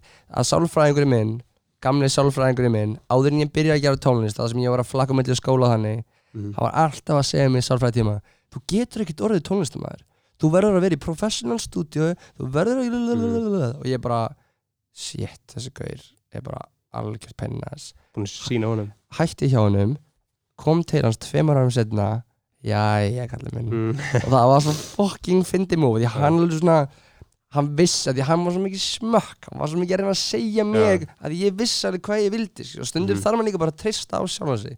Bara fucking treysta sjálfa sig allavega til þess að vinna gegn hérna, þessum, Berjast gegn skekkinu já, bara þunglitinu og svona dótið, bara eins og ég, að tala við eitthvað hafa Mhm. góða vinni kringum. Þú veist, ég er ekkert að fara að mæla með því sem ég gerir skilur, en bara, þú veist ég var að segja, þú veist, fólk getur farið á alls konar þunglitisleif, fólk getur tala við, veist, ekki fara og kaupa þér eitthvað eitthvað úti á svartamarkaðinu, farðu, og, farðu upp geðdeild eða eitthvað og talaðu við eitthvað, skilur, það er engin skömmi það er ekkert tabú, skilur, það er bara eitthvað svona bara leiti hjálpar ef eitthvað líður illa, bara, þú veist, Mm. ekki vera ekki vera að lifa day by day í þjáningu, skilur en, veist, gefðu líka tími á, og eins og með mig, ég ætti ekki að gefa mig tími á. Mm. en mér finnst mín sálfræði vera bara að fara við mækinn og expressa mig Já. Mér finnst það einmitt örgulega bara mjög gott fyrir einhverja litla stráka sem að Já. líta upp til þín að í já rauninni heyra þetta því að mér eins og veist, hvað, við erum öll bara eitthvað að snúast áfram og er ekki bara pointið mitt að Það- já. finna einhverja hamingju, eða ekki Jú, það, Og- en það líka bara svona, ég pressa allir reyna að vera eitthvað nettir og sætt, það, jú, Og- það er bara, veist, og margir halda einmitt örgulega mjög margir sem að vilja kannski vera rapparar mm og halda, já, djöðins fucking veistlaður lífið þegar ég verð jafn stóra flóni hei, þetta er bara ef eitthvað er, þá er lífmynd orðin bara miklu flóknara. Já, peningar, peningar. Pen, já, peningar mikil áhrif á það. Peningar er the root of all evil.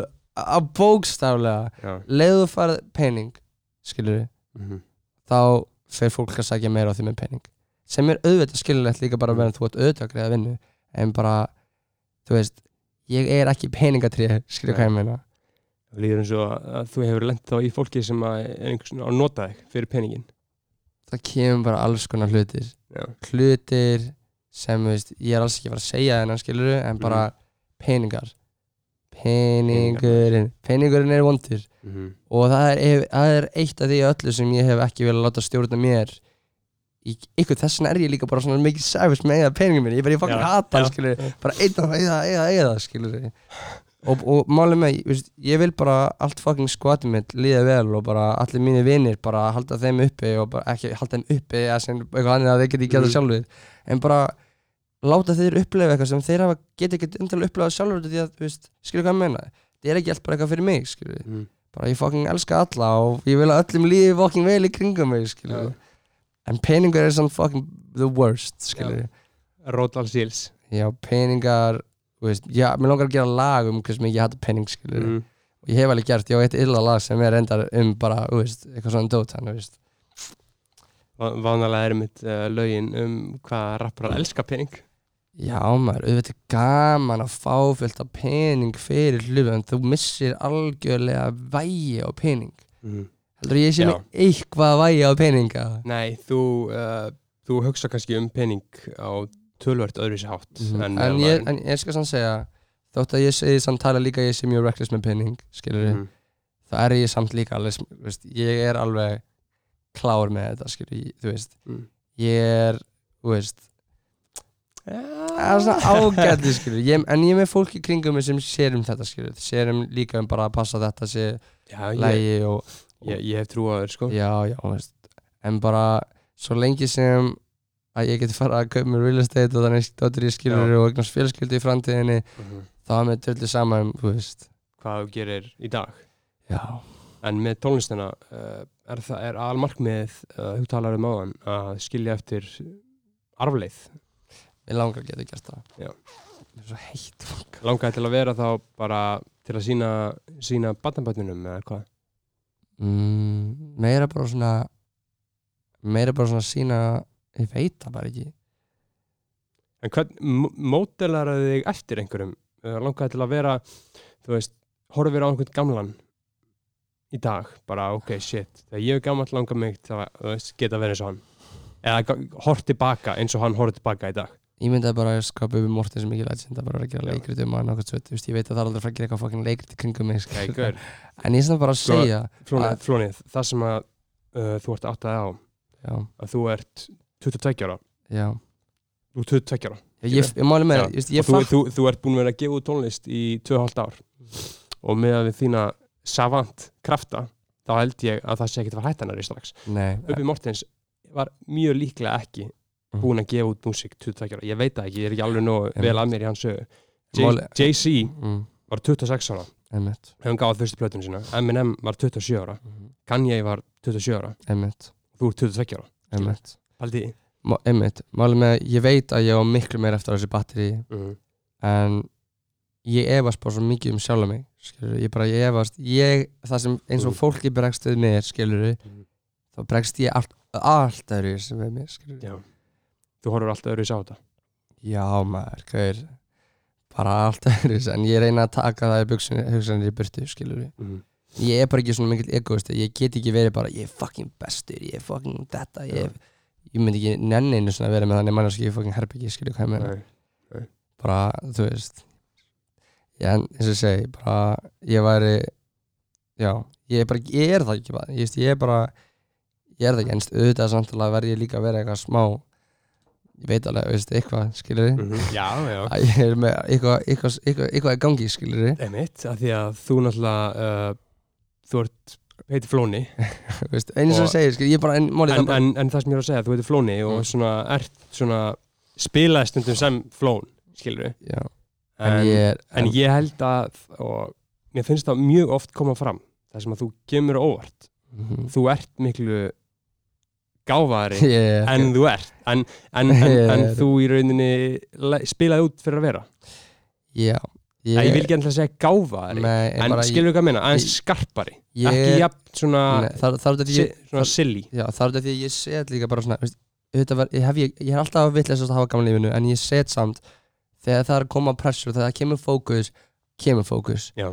Þá er ég ekkert playing around skilur Þú getur að fucka með. Ég er ekkert að fokka með það skilur ég Lay bara, about your paper sko. já, veist, Já. ég bara, bara get this shit right skilur bara, ég ætla að gera þetta svona og ef ég ætla að gera þetta, þá ætla ég að gera þetta. En líður stundum eins og fólk svona tali niður tíðin út af því að þú ert eitthvað svona flón skilur eða þú veist. Það sem bara svona þú spilaði stundum svona þú spilaði stundum svona það hlutverk að vera svona grillaður og ekkert að spá í hlutunum máli með, það sem bara þá fólk sé að sé bara heimskur og hvað þannig dót Já, heldur þú sér heimskur. Máli með að ég er ekkert eini að tónlistamönnum sem fá þannig dót skilur það er bara, þú veist, ég veit um að annað fólk það er bara þannig, Mhm. skilur en ég er bara, þú veist, maður er stundir bókspúði mm. en ég veit bara betur.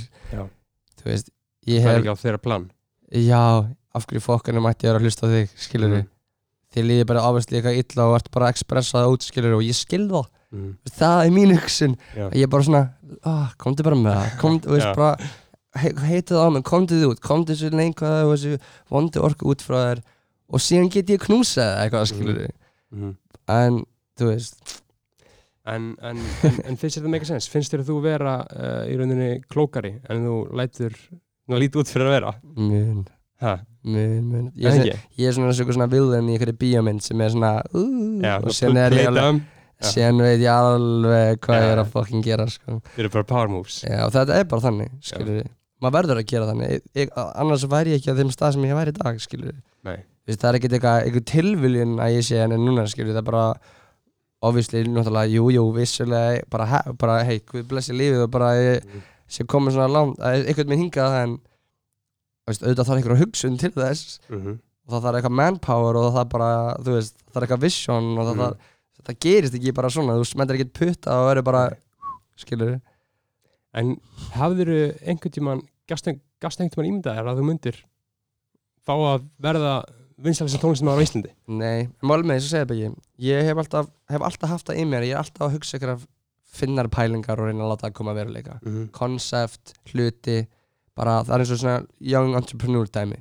Skilja, það er svona Þú komst mér virkilega óvart uh, þegar þú hafði sambandið mig í gær og varst að bóka fyrir anna, ívendandi sem að kom ekki ljós strax. Uh þannig að þú sért með einhver svona uh, Gauður, pow- ég, power moves. ég er að fara skilur veist ég, minn, þannig ef eins og tónlistadóttum mitt myndi ekki þessu ganga Mhm. þá myndi ég, veist þá myndi ég vera, vera að vinna við skemmtunum ég er bara natural, skilur ég bara á að vera inn í þessu, veist, plana veist, ég sem er skrítið að þú varst að segja að þú hattar.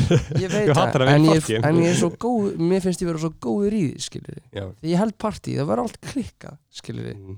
þú veist, og alls konar svona shit það verður allt bara, það verður allt bara fucking vibe, Já. þannig að af hverju ætti ég að hætta þess, eins og og síðan önnur, ásakið ég er, hérna, ég er að drekka apimjölkina en eins og líka bara það side project, skilur við finnst gaman að gera það líka bara, veist, ég er alltaf með einhverja hugmyndir, ég er bara Mhm. svona eins og núna, ef ég má, ef ég má segja frá því alls snögt, eins og bara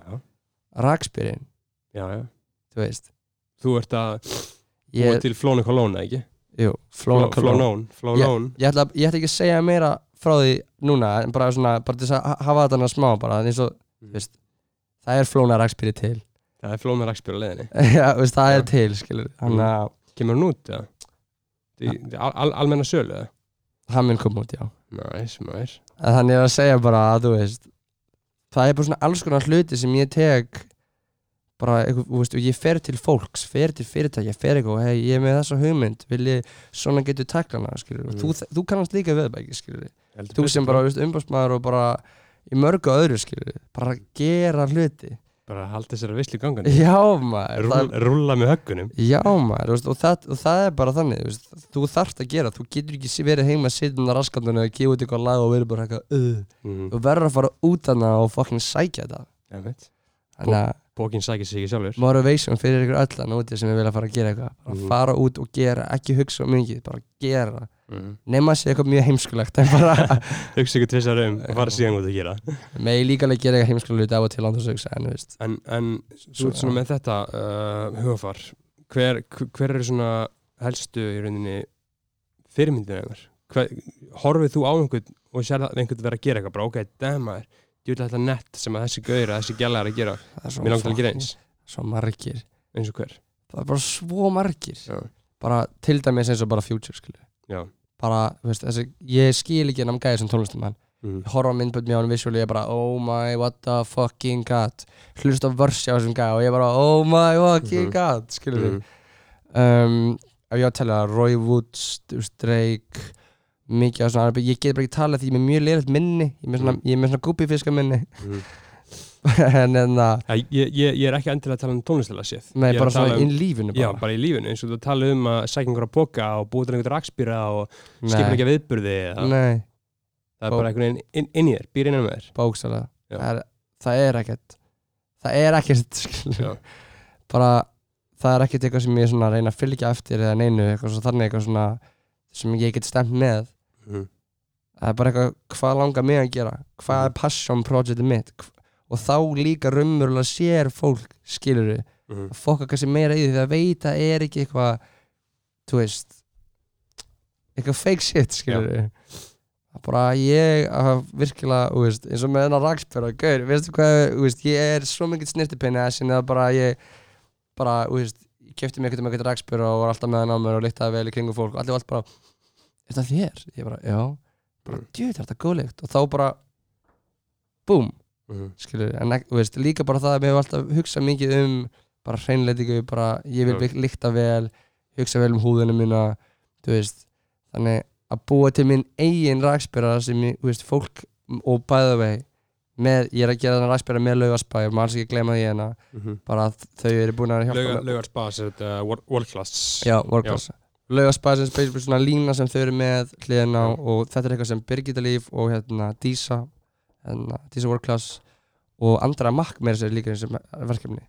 Veist, Yes. og, og maður hennar, þau eru bara, þetta er bara þetta er alveg lið sko. Þú veist, þessi rakspyr er ekkert að koma bara eitthvað þú veist, þetta er ekkert að koma inn bara eitthvað úr ódýri verksmiði, þetta er bara straight le France sko. Já, mitt, þetta er bara þetta er bara quality, þetta er sko alveg quality og við erum búin að eigða tíma í að gera þetta langan tíma en ég má ekki segja ómikið um þetta og ég held Nei. bara að segja alltaf mikið en ég var að Mhm. segja en bara, þetta er bara Flóni, X, Laugaspa, Rakspyri sem er búin að vera að vinna núna og ég ætla bara svona lífið Já, þetta bara gaman að heyra því gaman að heyra því Já, en þarna, mér langaði til þess að uh, þú voru bara eins og er sko, uh, þú múin að vera 2,5 ár mhm, í þessum leik mhm. í þessari Svona 2,5 ára þrjú af því Já. ég var miklu meira bak miklu lengur ég var að próf, en- próf sko, finnst þér eins og hafi verið einhverjar uh, eitthvað sem hefði viljað gera öðruvísi á öllum sem bara síðan nú komst út, skilur, er, er einhver eftirsjár? mm, Já, það er, mér, mér sýnist verið eitthvað. Hvað? það eru þetta bara maður þroskast og breytist mm. skilur maður var mjög meiri vill back in the days. Mm. sé ég samt ekki eftir neinu því að ef ég væri ekki búinn að gera allt sem ég væri búinn að gera þá væri ég aldrei á þeim stað sem ég væri í dag. Mm. þannig að en nei. Nei, það er bara eins og, eins og Kahn segir uh, ekki með lífið á hreinu sé samt ekki eftir neinu. Bókstælega það, getum ekki orðað betur sko. Já, bókstælega getum ekki orðað betur shit sko. Þetta er náttúrulega svakalegt að lína maður sem bara, þetta er þetta svona fallega uh, svona einfalt en ljóðrænt bara mm. það er bara nákvæmlega sem ég, ég, segi, ég hef gert mörg mistök ég hef gert marga hluti sem ég er ekkert þú veist, skilja hvað að menna en ég hef líka gert mjög mikið af góðum hlutum og mjög mikið af, þú veist. Hvað er búið að vera svona skemmtilega þessa tímabilið? Hvernig ertu bara búin að vera bara vakna um hverjum degi, ekki þunglindur bara oh my god, hvað lífið er mikið veisla? Það var bara fyrst. Fyrst ég var ekkert búin að kynast neina öllu svona dóti. Ég var bara þú veist ég var bara ég átti bara aftur að explora bara eitthvað bara eitthvað, eitthvað, eitthvað hóp skilur af fólki mm sem, þú veist, og fatta raunverulega skilur bara nýtt wave, ný kynnslóð já bara og fatta og sjá aðeins inn í bara veist, hvernig raunveruleikin er skilur hvað ég menna Mhm. Mhm. bara, ég er ungur og spenntur skilur Já. hvað ég meina en ég er ennþá ungur og spenntur en ég er bara svona með tímanum þá, fer, þá ferðu að vilja aðra hluti skilur Mhm. Þú veist, ég er kannski að gefa út þessa tónlist og ég hef ekki viljað að gefa hann út en þá var ég samt grimmur í það að vilja skara fram úr skilur Mhm. ég er alveg grimmur í það ennþá í dag að skara fram úr. En mér langar líka samt bara að taka það rólega og eitthvað skonu og skilja chilla eða eitthvað skilur þið Þa, það er þetta sem er að koma fram hérna. Í trekk og trekk já þið langar í þetta en langar ég líka í alveg anstæðina við það Málum með þú er að gera grein fyrir bæki minna ég er búinn að vera á lausu allt mitt líf. Uh, já þannig ég er búinn að lifa mínum playboy lífstíl allt mitt fucking líf. Og ég elska alla svo mikið. Þú hef, hefur aldrei verið í sambandi? Ég er að deyta. Já, já, en aldrei eitthvað svona þú veist. Ég bara en samt mikill uh, hvenna bósi. Já já einhvern meginn veginn svona smá en veist málum með ég bara svona ég, með mig með þetta er mitt að deyta og vera í sambandi og þannig. Já. þetta er vinna. Mm -hmm. Og mér líður eins og í dag að veist, þetta er ekki vinna sem ég get sett mig inn í núna. Og ég vil ekki vera farin inn í eitthvað þú veist, hvað kallast svona samböld sem að, svona slæm ástæð eitthvað, hvað er það? Sjúkást. Ég vil ekki vera að bjóða neitt um upp á þannig neitt samband. Og ég myndi aldrei gera það. Fuck nei bro. Af því að ég fucking ég fucking elska bara konur og ég Mhm. bara kemur fram með virðulega og bara, þú veist, jó ég var að henda gæja út af BFM og fucking hnakkadrambunni fyrir að káa tveim vinkunum mínum skilur fucking alltaf að bífa hann upp sko. mm. en hei hei hei hei love or not a Ja. skilur en ég er að segja skilur að bara, þú veist, ef ég vil fara í samband þá vil ég geta fara í samband sem er gott, fallet, heilbreytt skilur og það bara gerist eða gerist Já, og öll, öll samband sem ég á núna í dag eru svona alltaf líka góða helbrið, ég er ekki mm. fólk miskilið, skilur, en bara ég er bara að segja að þegar ég vil geta búið upp á, mm. skilur, ég vil ekki, þegar þú tilbúin já, ég vil ekki þurfa, viðst, kærasta minn þurfa að upplega eitthvað að vera afbrísum eða þurfa að vera, þú veist, ekki afbrísum eða bara finna fyrir ykkur óþægilegum tilfinningum sem hún á ekki að þurfa að finna fyrir þetta því ég er ekki tilbúin, skilur, mm. og þú veist, ég er bara ekki tilbúin eins og er núna, en, Mm. en, en djöfullin langar mig bara ég, þú veist, það er bara stundir um koma moment sem er bara oh my god, ég þarf bara eitthvað til þess að halda auðvitað mig, skilur Já. og þá bara tala ég óta, óti, óti, óti að bara hann kemur með stóra fucking líka á mig sem þú veist, knúsa mann en þú veist, Já. ég segja bara að þú veist, gott að hafa einhvern já maður, það vilja Mm. allir það þurfa allir að hafa eitthvað, mm. þú veist, ef ég væri bara einn í þessu, þú veist, alveg einn Mm. en pælið líka fyrsta ári mín í að vera að gera tónlist þá bjó ég einn þá bjó ég alveg skilur algjörlega en þá er ég líka með allt, allt skotið heima Já. sko. Kastalunum sko. Og hann mamma hlust ekki á þetta maður. En þarna áður en við förum yfir í svona setni helming þáttarins já, þá langar mig aðeins til þess að ræða svona uh, 2020 núna. Þótt að þú sett ekki búin að gjóta neina tónlist þá er samt búin að vera mikið í gangi. Mm -hmm. Uh, þú varst svífurtur af, þarna, af hlustendavelunum aha. Þú varst svífurtur þar síðan Mhm. varstu líka svífurtur af Ístón mhm. Býð aðeins býð þetta er Pétur Kyrnan að ringja umbúrsmæði minn. Ég ætla ekki að svara honum. Nei, nei, ætla að setja Simon Silent þeirnum byrjunum eftir hérna, einmitt. Já, þú varst einmitt svífurtur af þessum verðlunum mm hvernig svona, veist, hva, hvað þitt teika á þetta. Það var mikið svona í umræðinni þetta var, ég, einmitt, þetta var mikið umræðin þetta var mikið því að þetta var náttúrulega bara svo mikið svífyring það bara var, að, þú veist, Flónu 2 er mestaraverk, skilur mál með ég er bara ógæslega þakkláttur fyrir að fólk líka bara líði svona, skilur mm -hmm. Paldið, fólk líði bara, veist, þeim líður svo þeim sem sveikja af því að þeirra kannski uppáðast plata var ekki tilnæmt en ég persónulega þá vegi ég ekki mína list í verðlunagrip skilur en auðvitað er ákveðin heiður að fá að standa með fram að alla tónlistamennina í sal fættur í íslensku tónlistaverlunin Mhm. skilur en þú getur ekki haft það sem eitthvað svona skilur hvað ég meina? En, mm en auðvitað var það, auðvitað var það leðilegt en ef þetta væri svona auðveld skilur -hmm. þá, þú veist núna gerir þetta með miklu meira bara, veist, þetta gaf mér bara motivation. Því að ég veit eins og núna sjálfur bara, flónum 2 var geðveik. Mhm. En ég veit að næsta plata muni vera svona 10.000 sinnum betri. Ekki 10.000 sinnum betri en hún mun bara vera betri. Já, er það Flónu 3 eða? hún mun ekki heita flónum 3, nei. Ekki. Já, það er maður. Hún allan að, þú veist, ég, ég, og, og þetta gefur mér bara motivation í það bara, þú veist, hann, ef, þú veist ekki bara það eitthvað út af því ég vilja fá eitthvað grip mm -hmm. en bara að pússa harðar ekki pússa harðar bara en þetta, þetta sparkaði bara eitthvað spark í mér og love bara á hlustundavörlunum ég mætti þarna á svæðið og, og ég er að fara að mæta á Ístón á morgun skilur bara, ég Mhm. gekk á panti með rauðinsflösku borðið bara með mínu vinnum og, og, og, klappa og vera þakkláttur með, nei, hérna, að, hérna, klappa fyrir fólkinu sem er að fara að vinna þarna verðlaun og samklæðast með þeim skilur. Mm. það snýst líka um það skilur. snýst ekki alltaf bara um mig og mig skilur. Nei.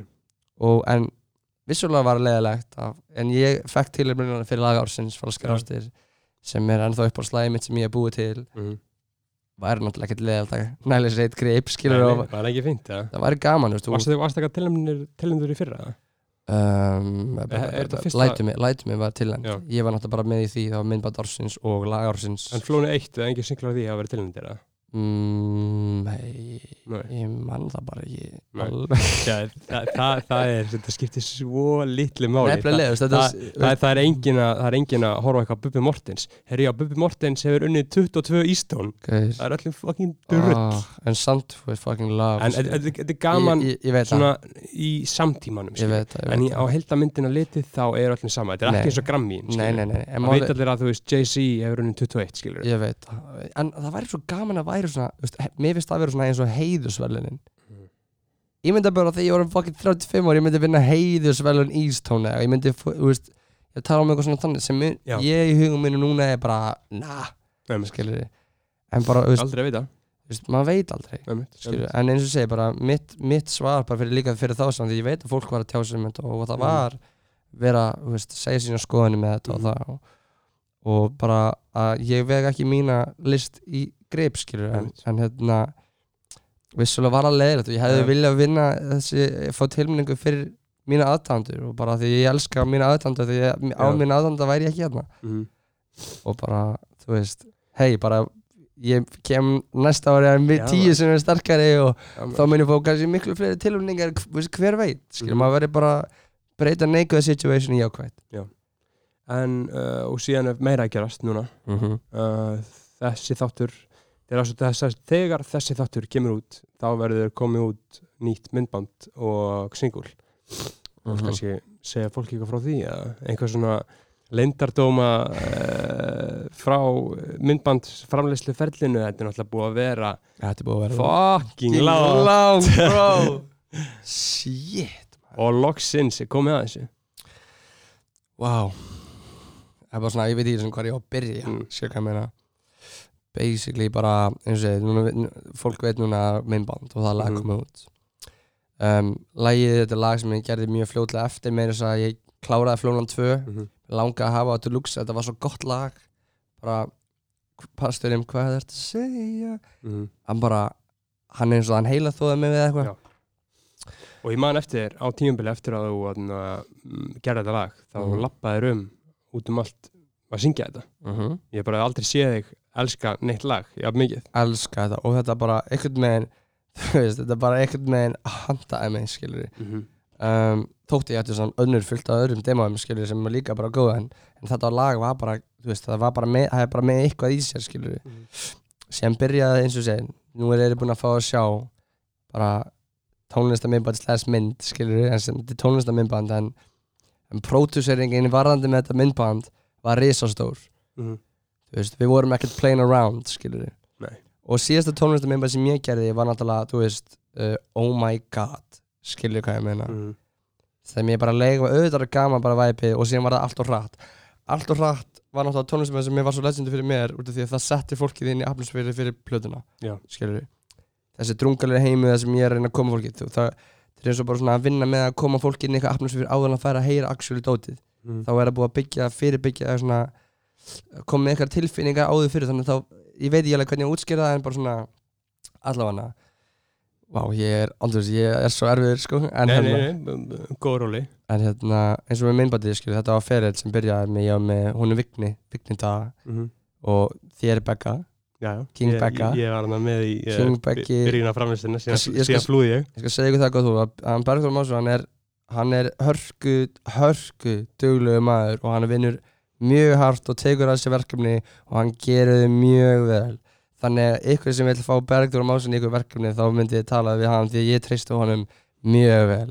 Takk fyrir það. Allan, höldum við þessu ára. Já, um, Vignir, sagt, Vignir uh, ég fæ hann í þetta uh, Ísak, hérna, Henriks kemur líka og Andri Haralds, þeir eru svona þeir eru svona hvort, hvort tím Já, og þeir eru allir mjög klári með svona og Mhm. veitum mikið um kvikmyndaframlýslu og bara svona handrit og alls konar og, og og ég er náttúrulega með eitthvað pælingu skilur eitthvað. Og söguþráð náttúrulega, þetta er, þetta er söguþráður. Þetta er myndband það er, Mm. fólk kannski Þetta er saga, það kannski ekkert útskýra hana fyrir fólkinu Nei, bara- ég ætla bara að leiða ykkur sjálf að reyna að finna út í Já.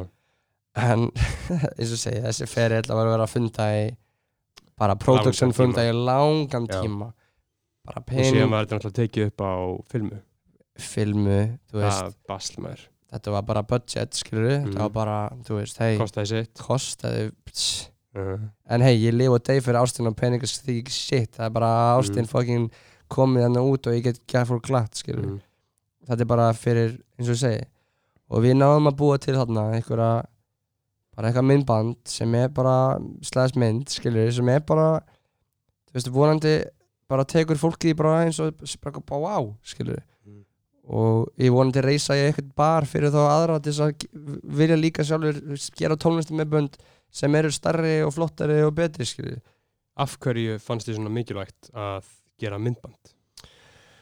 Að, að gera svona stórt og rosalegt myndband í staðan fyrir að gefa bara læg út á Spotify? Af því að það er ekki það sama skilur, ég er að koma aftur ég er að koma aftur, skilur að, þú veist, með allir kringu þig bara, þú veist, ég er ekkert eins og ég segi, veit ég, eins og ég var að segja á ég er ekkert að play around, skil, ég er bara Mm. ég, þú veist, ég vil gera eitthvað þegar ég ætla að gefa út lag, þá vil ég bara ég er að gefa út lag, Mhm. skilur og þegar fylgir einhver fokking hellu minnband við því skilur sem búið að fara sko næstu því ábyrðlega árs vinna í. Rosalega vinna. Rosaleg vinna. Og mannafli sem var að vinna við þetta bara, þú veist, það mun fólk mun sjá það síðar ég ætla ekki að segja meira frá því, en bara, þú veist og hafa tækifæri fyrir mig sem einstakling að fá að vera partur á svona dóti vinna með öllu þessu fólki er ótrúlega upplifun skilur Jú. það er ekkert bara eitthvað svona að þau eru öll að vinna fyrir mig eitthvað þannig Mhm. kjæftæði heldur ég er að fá að kynnast þannig fólki líka sem ég hef ógeðst að gafa með að vinna með og skilur vera, þetta er bara það snýst alltaf um bara að fá að upplega eitthvað sem þú veist, partur á einhverju starra já maður mm. skilur, þannig að löngurinn ég vilja gera þetta, auðvitað náttúrulega hefði ég getað gert eitthvað allt öðru í þessu myndband Mm. ótrúlega, ég, ég veit ekki hvað bara minna, en það hefði ekki verið þú veist, það er ekki það sama Nei, nei. ég, þú veist, ég er að gefa þarna fólki bara eitthvað, eitthvað væp, eitthvað Mhm. atmosfér skilur, Mm. bara eins og, bara eins og allt og hratt, bara nú er ég stærð og þroskæri skilur, já. og síðan var náttúrulega já, síðan myndbandi var, oh my god þetta, oh my god, skilur, það er náttúrulega bara eitthvað svona væp flip myndband, en sem farið náttúrulega allt og hratt, já, það sem mitt allt og hratt classic myndband. Það sem ég segja, skilur, bara svona veist, og pældi því, ég gaf það alltaf hratt fyrir en platan mín kom út, skilur, allt of hratt sem var þá fyrsti lægi sem kom út fyrir plötuna. Já, og það setti þá fólk inn í wow, ok, já. hann er eitthvað, þú veist, þetta Það er eitthvað sko. Þessi gæi er eitthvað dark skilur, hann er eitthvað skilur hvað ég meina, þannig að Já. þá ferðu inn í plötu Já. eða fleiri lög eitthvað með með einhvern hugarheim sko. Já. algjörlega. En uh, visual art nefnilega er mjög mikilvægt fyrir tónlist og mm, það sem margir skilja ekki skilur, er að það er það helst oft mjög mikið í hendur. Já, rosalega Saman, rosalega skiptir miklu máli sko. og en sín, já, einmitt. En uh, ég gaf þér heimaðinu einmitt. Uh, sem var mjög erfið bæði já, þátturinn er náttúrulega kraftbyrtingar hljómur Guðdónsins og ég bað þig um að finna þinn persónulega kraftbyrtingar hljóm Guðdónsins uh, eitt lag sem að þér finnst vera bara eða fullkomna rapplag þetta er svo ógeðslega erfitt því að það eru svo ótrúlega mörg rapplöð sem ég finnst vera fullkomin rapplöð en, hvað lag er, valdir þau, hvað, hvað ákvæðanda eru? Ó, Beggi. Spilum það og ræðum síðan um hvað, af hverju? Ok, ég ætla að velja Monster með Future. Nice.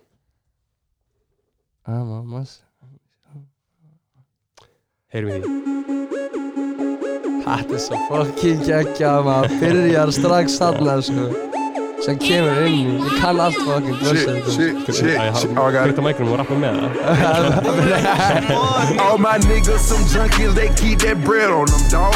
Yola Ho is a monkey, she got her head on her, dog.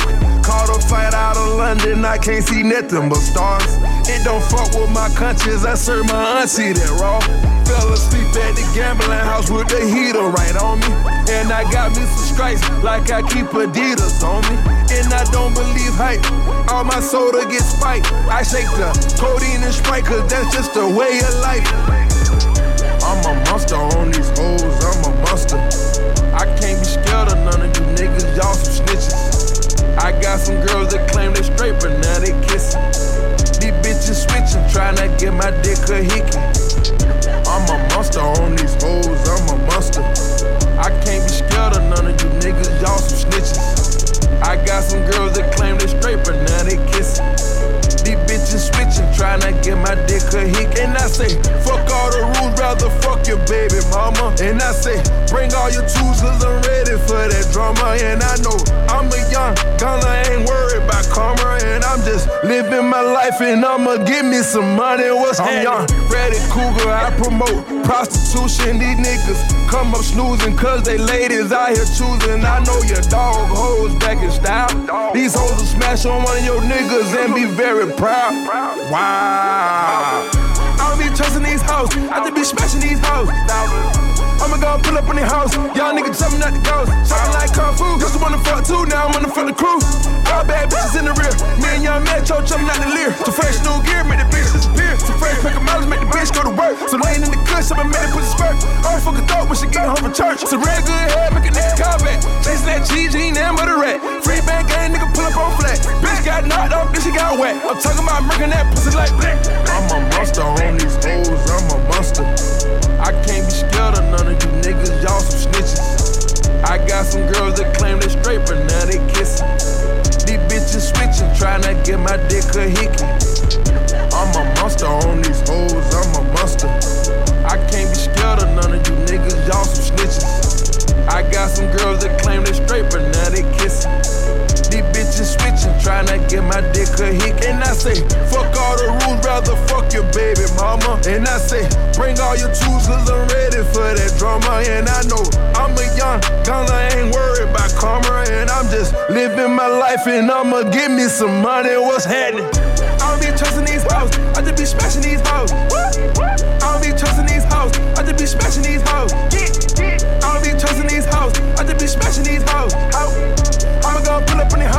House, y'all niggas jumping out the ghost. I don't be trusting these hoes, I just be smashing these hoes. I don't be trusting these hoes, I just be smashing these hoes. I don't be trusting these hoes, I just be smashing these hoes. I'ma go pull up on the house, y'all niggas jumping out the ghost. I don't be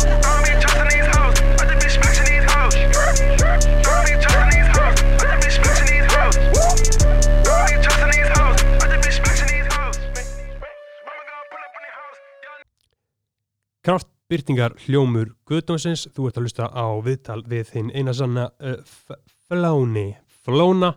Uh, Kraftbyrtingar hljómur Guðdómsins er í bóði 66 gráður norður og hambúrgara staðareins Júsú á hverju skotu 44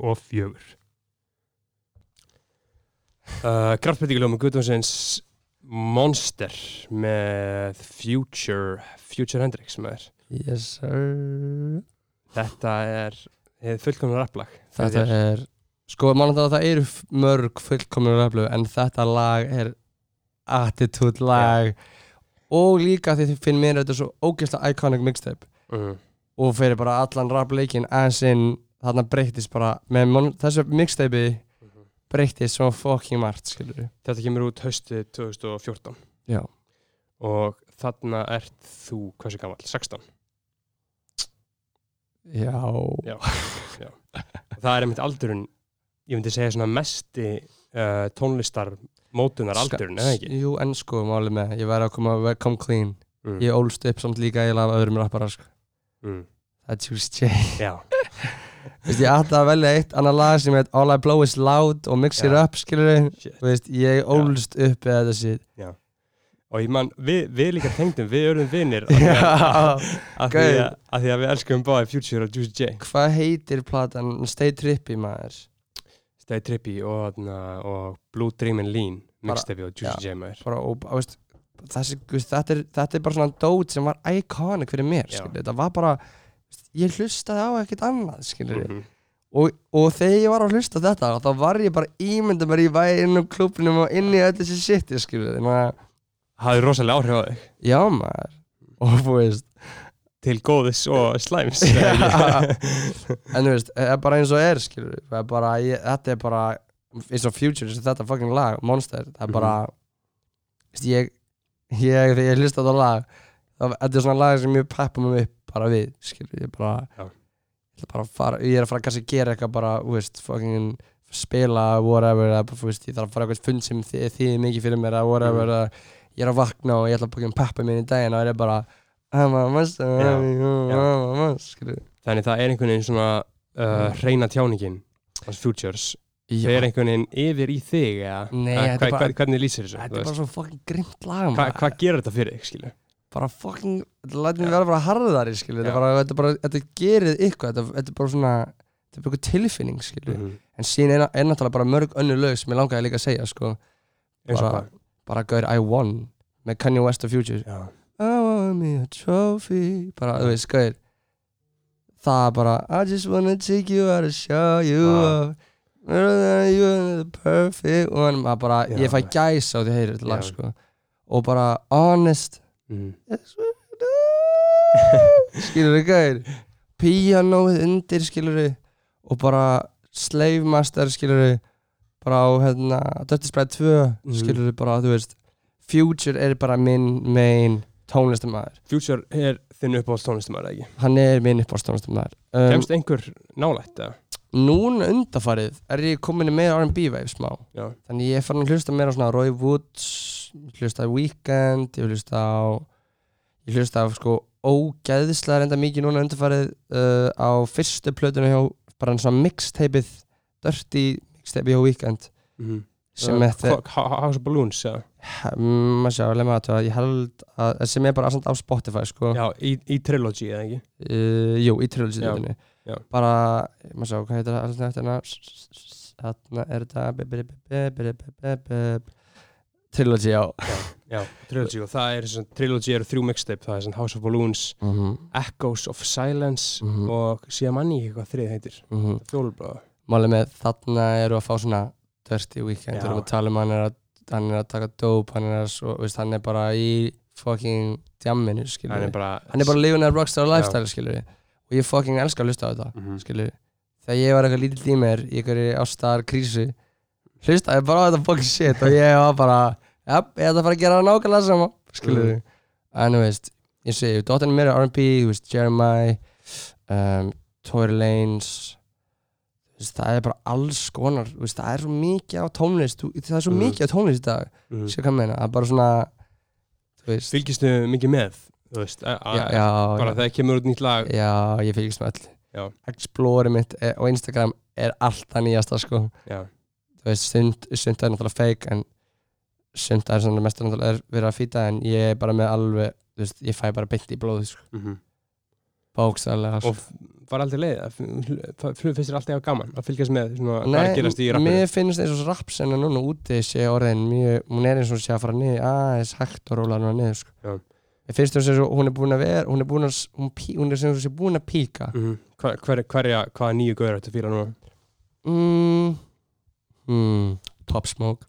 Já, Fucking- friði maður. Rip fucking Pop Smoke. Oh, Gaur Og núna því ég held þetta Þið voru með þetta BFM daginn tengana dót mhm. Og vildi ég bara að við myndum spila Pop Smoke. Ég var bara svona nei, Pop Smoke bara. Þið Sko Þú veist, ímyndaðin til þess hann Hann er ungur mhm. Kemur hann að, skilur þið Fucking New York Samtinu Og London, þú veist London, London Grimes, já, já. svona Producer-dótinu Drill. Og Já. drill skilur hann er að opna þessa hörðu núna fyrir skilur fyrir aðra Já. Og það eru ykkur búin að taka gera það skilur mhm. en ég held að muningin gera það bara upp á með respekta á nafnið hans Pop Smoke skilur en ég bara svona en fucking Pop Smoke maður ég Rosalegt hvað hann er ungur maður. Hann Fættur 99 aldrei var tveim ára yngri en ég. Mhm. og hann lítur þess að sé fucking færtur maður fucking bulldog sko. Já. ég er bara eitthvað lítið bitch fyrir honum sko. Mhm. hann myndi fucking borða það mig sko. Mhm. en eins og ég segja bara veist nýjir fleiri þú veist. The Baby. Það baby, já, ég Já. fokkin honum Hann með bara attitútin hans Mhm. bara, þú veist, hann er bara fucking honest skilur Já. þið Man, þú, ég, ég man eftir því þegar hann, uh, ég var að uh, DJ í einhverju ammæli og þú varst alltaf að beða mig um að spila The Baby. Og þarna var ég ekki búin að, alveg búin að fatta hann. Ég held að það væri bara eitthvað svona djókbrandari Hann er bara ekkert, hann er ekkert playing around sko. Hann er og, bara, nún, og bara stuttið til það fattaði bara, ok, wow maður The Baby er fucking sannleikurinn sko. hann er sannleikurinn. Gauður, hann, eins og núna ok, reyndar ég ætla að ekki réttlega fyrir hvað sem hann gerði skilur en hann var að slappa núna semst einhverja fan Já, stelpu hann er alltaf í slagsmál hann er alltaf, gaur, hann er náttúrulega drepið tvær mannskjur og kæft þetta skilur, hann er bara in self-defense though mm. en ég alveg sem myndböta bara lífur hann sem er sko svo górilla bara að berja fólk til Mhm. óböta bara úrst út af einhver en hann, hann samt nær allt, með- allt einhvern veginn veist, að því hver ímyndaði eins og þetta úti hvað þetta er fokki mikið kaos. Menn heima er þetta bara krútlegt skilur en úti eins og bara með postmók og postar upp locationet og þú ert bara drepin, rændur skilur eins og X. Einmitt skilur, þannig enginn fyrir það að einhverju núna nokkur hérna íslendingar tókuð sér saman hérna og voru eitthvað kvartið að DFF var eitthvað fucking posta adressun þeirra skilur mm. bara ekki það að sé eitthvað að koma heim með byssu og fara að skjóta mig skilur en bara maður veit ekki, þetta er bara fucking cruel world undir heimanir og allt sitt skilur bara þannig að nú er ég komin eitthvað búin að taka eitthvað góðan upp eða skilur með þetta en ég bara að Nei. segja skilur að þú veist bara, tjá, já Mm. En ég, hérna uh, segðu mér aðeins frá sko hvinnar byrjar að hlusta á rappi eða? Varst að gera, þú veist, var, var, var, var, að- crossfit flóni, var hann að hlusta á rappi eða? Mm, gaur, þú veist, ég var að æfa crossfit og Guð blessi það að ég gera ekki lengur bara þótt að elska alla sem eru ennþá í því og vera, og vera bara að æfa veist, stuða líkamlega heilsu og þannig skilur Mm. en bara crossfit tekur yfir líðið skilur Mm. skilur hvað meina, bara svona, þú, það er alveg bakloss en ég var ekkert mjög mikið að hlusta á ég var ekkert voð mikið bara að hlusta á tónlist þarna, jú Juicy J, Future, þetta er bara ennþá svona smá bara bakvið. Held að, var það ekki tíminn þegar hana, var Time to be Alive kom út, var það ekki svona svipað svona, You were time to be alive, Jú, kemur út jú, jú. 2015 já, ég er ennþá alveg að hlusta, ég bara, ég man þetta ekki nógu vel eins og segi, Mhm. mm. með gúpi fiska minni svona létt en hérna en þú veist, já ég, ég Já, en þú veist, var, var það bara, kom Future þeir inn í rapp eða varst ekkert að hlusta nei, nei, nei, nei, undan já, því? sorry, eða? ég, bara, ég, datt- ég datt aðeins út, já, það var sko það sem kom mér inn í bara alveg svona fyrst, fyrst, fyrst, fyrst að hlusta á Mhm. Sko, það var ábyggilega bara Juicy J sko. En hvernig ég discoverði fyrst svona hip-hop Mhm, var M&M það var, málum með, ég ólst upp með ekkert internet þegar ég yngri þegar bara mamma kaus, skildi það ekki og nefndi ég að pæli, skilur Mhm. pappi minn bjóð úti og þannig hann kefti handa með iPod og fyllti hann af tónlist fyrir mig og inn á þessum iPodi voru M&M plöður Gor, uh, Gorillaz plöður Mm. og og U2 Coldplay Mm. og þetta var eina sem ég hafði ég myndi það og þetta hlustaði ég bara á í fucking góð tvö ár. Ekki- já, ég myndi það skilur Mhm. um, en síðan líka önnur skemmtur saman sem ég var reyðið upp með vinnum minn með ótt að ég er að þegar ég var líka yngri þá var alltaf pop tv í gangi. Mhm. og ég held að mín svona fyrstu kynni þá á hiphopi ever var þegar ég vaknaði alltaf á hverjum einasta morgunni á, til þess að reyna að ná einu tónlistu minn bara á pop tv Hvað vinnband? það var 50 cent lag þannig að du- ég held ég, ég, er ekki, er, Candy Shop ég, ég er málið, ég er ekki viss hvað lag þetta var en ég Mm. veit að þetta var 50 cent lag og mér fannst það svo, þetta var svo nepp myndband það Mhm. var bara, ekki alveg 50 cent skilur við uh, Fucking Og ég- og ég var svo lítið, ég er að tala með ég var svona í 5 ára bekk, skilja hvað ég Mhm. meina og vakna 9-10 mótnandi þess að reyna að ná þessu pop 10 og, og ég var bara alltaf að horfa að þetta skilja mér minn með þetta hafi bit, þannig að leið bit of this and bit of that. Yeah, but Damn baby, I only need Yeah, it it's a a little little bit, bit. já. Já, mér finnst þess að hafa verið það. Já. Það he- hefur þá verið mín fyrstu kynni. Mér fannst það bara svo legendary núna því ég hugsa tilbaka er að veist, ég vaknaði sérstaklega á mótnum til að reyna að, reyna að ná en það, því Mm. það var ekki nákvæmn tíma sem þið kunna kom Það var eitthvað. ég vaknaði bara og beigði fyrir fram með sjónarbyði Þá hvað til að koma já, Gast kannski hort á tíu myndband já, Já. eða og síðan kannski kom það ekki mm. skilur hvað ég meina. En eins og segi, bara mín fyrstu kynni er bara svona ógist að skrítin veist, ég, ég datt líkalega á eitthvað tíma í mjög mikið inn í ég á veist, Tiesto. Já. ég maður því tók Tiesto þá langaði mig að vera DJ sko mér langaði þá deymdi mig bara um að vera eitthvað svona Wallstar eitthvað DJ eitthvað svona Já, eitthvað svona uh, Tomorrowland típa já veist, máli með veist, það, er bara- tónlist bara á allt er bara búið að breyta svo mikið skilur bara Mm. þú veist bara þú veist eins og segi Guð veit hvað mun vera eftir eitt ára eða tvö ára pældi í skilur hvernig mun, hvernig mun tónlistamarkaður og hvernig mun bara tónlist Hvað mun vera vinsælt? Og, og, og hvernig mun streym, streymi ennþá verið eins heitt og það er í dag skilur því að streymi er náttúrulega aðal plattformi núna. Mm. veist, mun YouTube, veist, allt þetta dót skilur, hvað hva mun eitthvað annað vera fucking groundbreaking skilur, Mhm. allt einhver fólk en að ringja mig og begga Já, maður, óþrandi óþólandi maður. Andjóks Já, ég skilji alveg, sko, sko ég er aðalega að býða eftir því að, uh, að, að komi önnur streymisveita til Íslands Það er líka að næs að væri bara Apple Music hérna eða eitthvað? Það væri náttúrulega wavy, en, er Apple Music það sem maður þarf að kaupa? Nei, það er bara ön, önnur streymisveita, bara samkeppnis aðili við Spotify. Er það? En því í bandaríkinu með Spotify ekki nærri í Já, stórt og er hér, sko. En, Að- veist, en, Spot- en Spotify núna er spo, ég myndu, Spotify bara, það hafa ekkert sens í að Spotify núna er heima Nei, bara, þú veist, öll tónlist. ekki eins og SoundCloud á sens í það skil. bara ekki, ekki það er bara sko. ekki, og veist, jú- málið með það var alltaf svona YouTube fyrst, skilur ég sem alltaf get ég ekki alveg talað fyrir það er meira svona, þú veist, meira á þessum OG-skaurum sem hafa verið hann í rapsenninu, skilur Mm. geta kannski meira að tala við hvað vinsælt sem veitu þá, en einu sem ég veit núna er bara að Spotify bara, Og þú líka bara fættist inn í það Eða þú veist, þegar þú byrjar ekki á tónlist skipti ekki máli nema Spotify, sko Aron náttúrulega tók YouTube hann að setja sín dótt á hliðina og síðan bara gaf hann náttúrulega plötuna sína hann á Einmitt, og, og Aron gaf náttúrulega út bara downloadlink á þekkistrákin M1 Flónu 1, það var Er ekki down það? Já. Já, það, ég man, Já. M1 Ég man Æ, eftir því núna Því að það, það var vorið 2016 Ég man eftir því núna. Og þú bara downloadaðir þekkistrákin mixtapeinu, bara einhverju F-síðu Ég og settið bara í iTunes og þér. hún krassaði, maður ég man eftir því. Já, Það- Svona var, pældi, svona var þetta aðeins Mhm. Nún er þetta bara, nú setur inn og bara og nú fá allir að sjá hvað þú fegst marg plays, skilur, á fyrsta tímanum. Er það stressandi fyrir þig? Eins og, Sjá mér, fyrir mér eins og nýja lægi, nýja lægi er að koma út verður verið komið út þegar þess áttu kemur Málið með uh, ég, ég, Verður fyrir vonbyrðum ef það er ekki Nei, í uh, fyrsta sæti eða?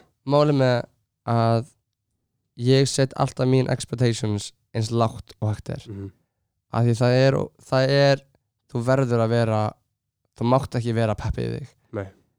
þú veist þú má, verður að geta tekið öllu skilur við og nú veitum við náttúrulega ekki hvernig hvort það muni tjarta upp eða niður Mhm. mm. skilur við því að við, skilur hvað það ekki Einmitt, en hei, bara sama hvað þá er ég alltaf bara, að bara þú elskar lægið sjálfur einu sem skiptir máli Já.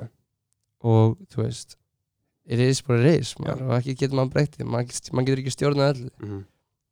þannig að Já, maður, fuck it, fuck it það var svona meira, meira, meira svona leibúla hann sem pæli svona skilur einhverjum streymum skilur Mhm. bara svona auðvitað viljaði það skilur en auðvitað er gaman ekki út lag sem eru síðan nummer eitt og Mhm.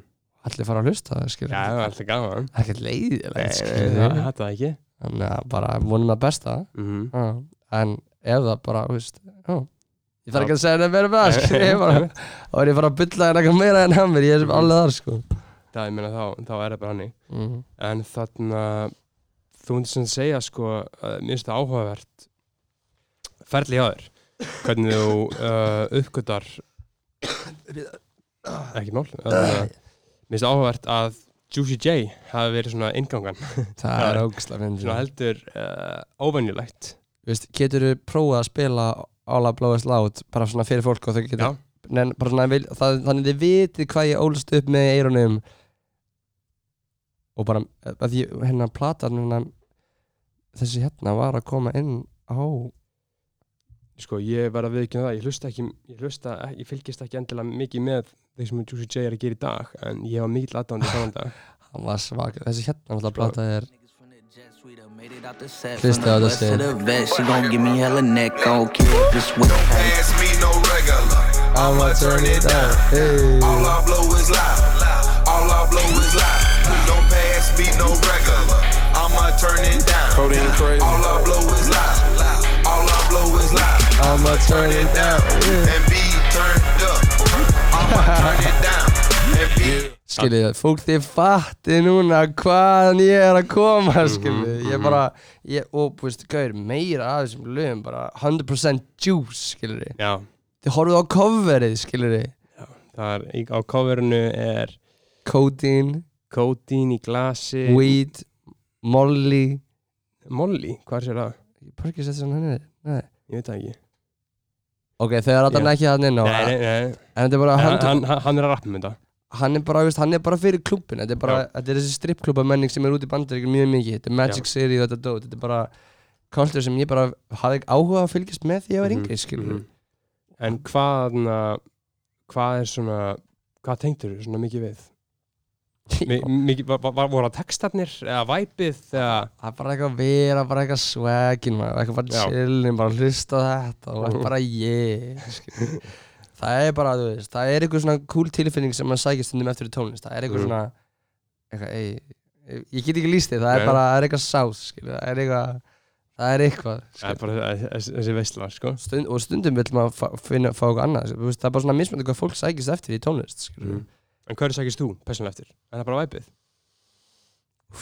fuck, það er svo margt annarkvort er það bara ég geti líka svarað þessu, það er bara svo mikið ég sækist bara eftir væpinu, já bara Mhm. væpið, hvað, hvað deliver þetta veist, eitthvað, Já deliver þetta fyrir mig að ég vilja fara að djamma mm. veist, vil ég fara að hlusta þetta meini á klubnum og turn up um, gera þetta romantísku væpið þannig að við erum að kúra saman og við erum að kissa skilur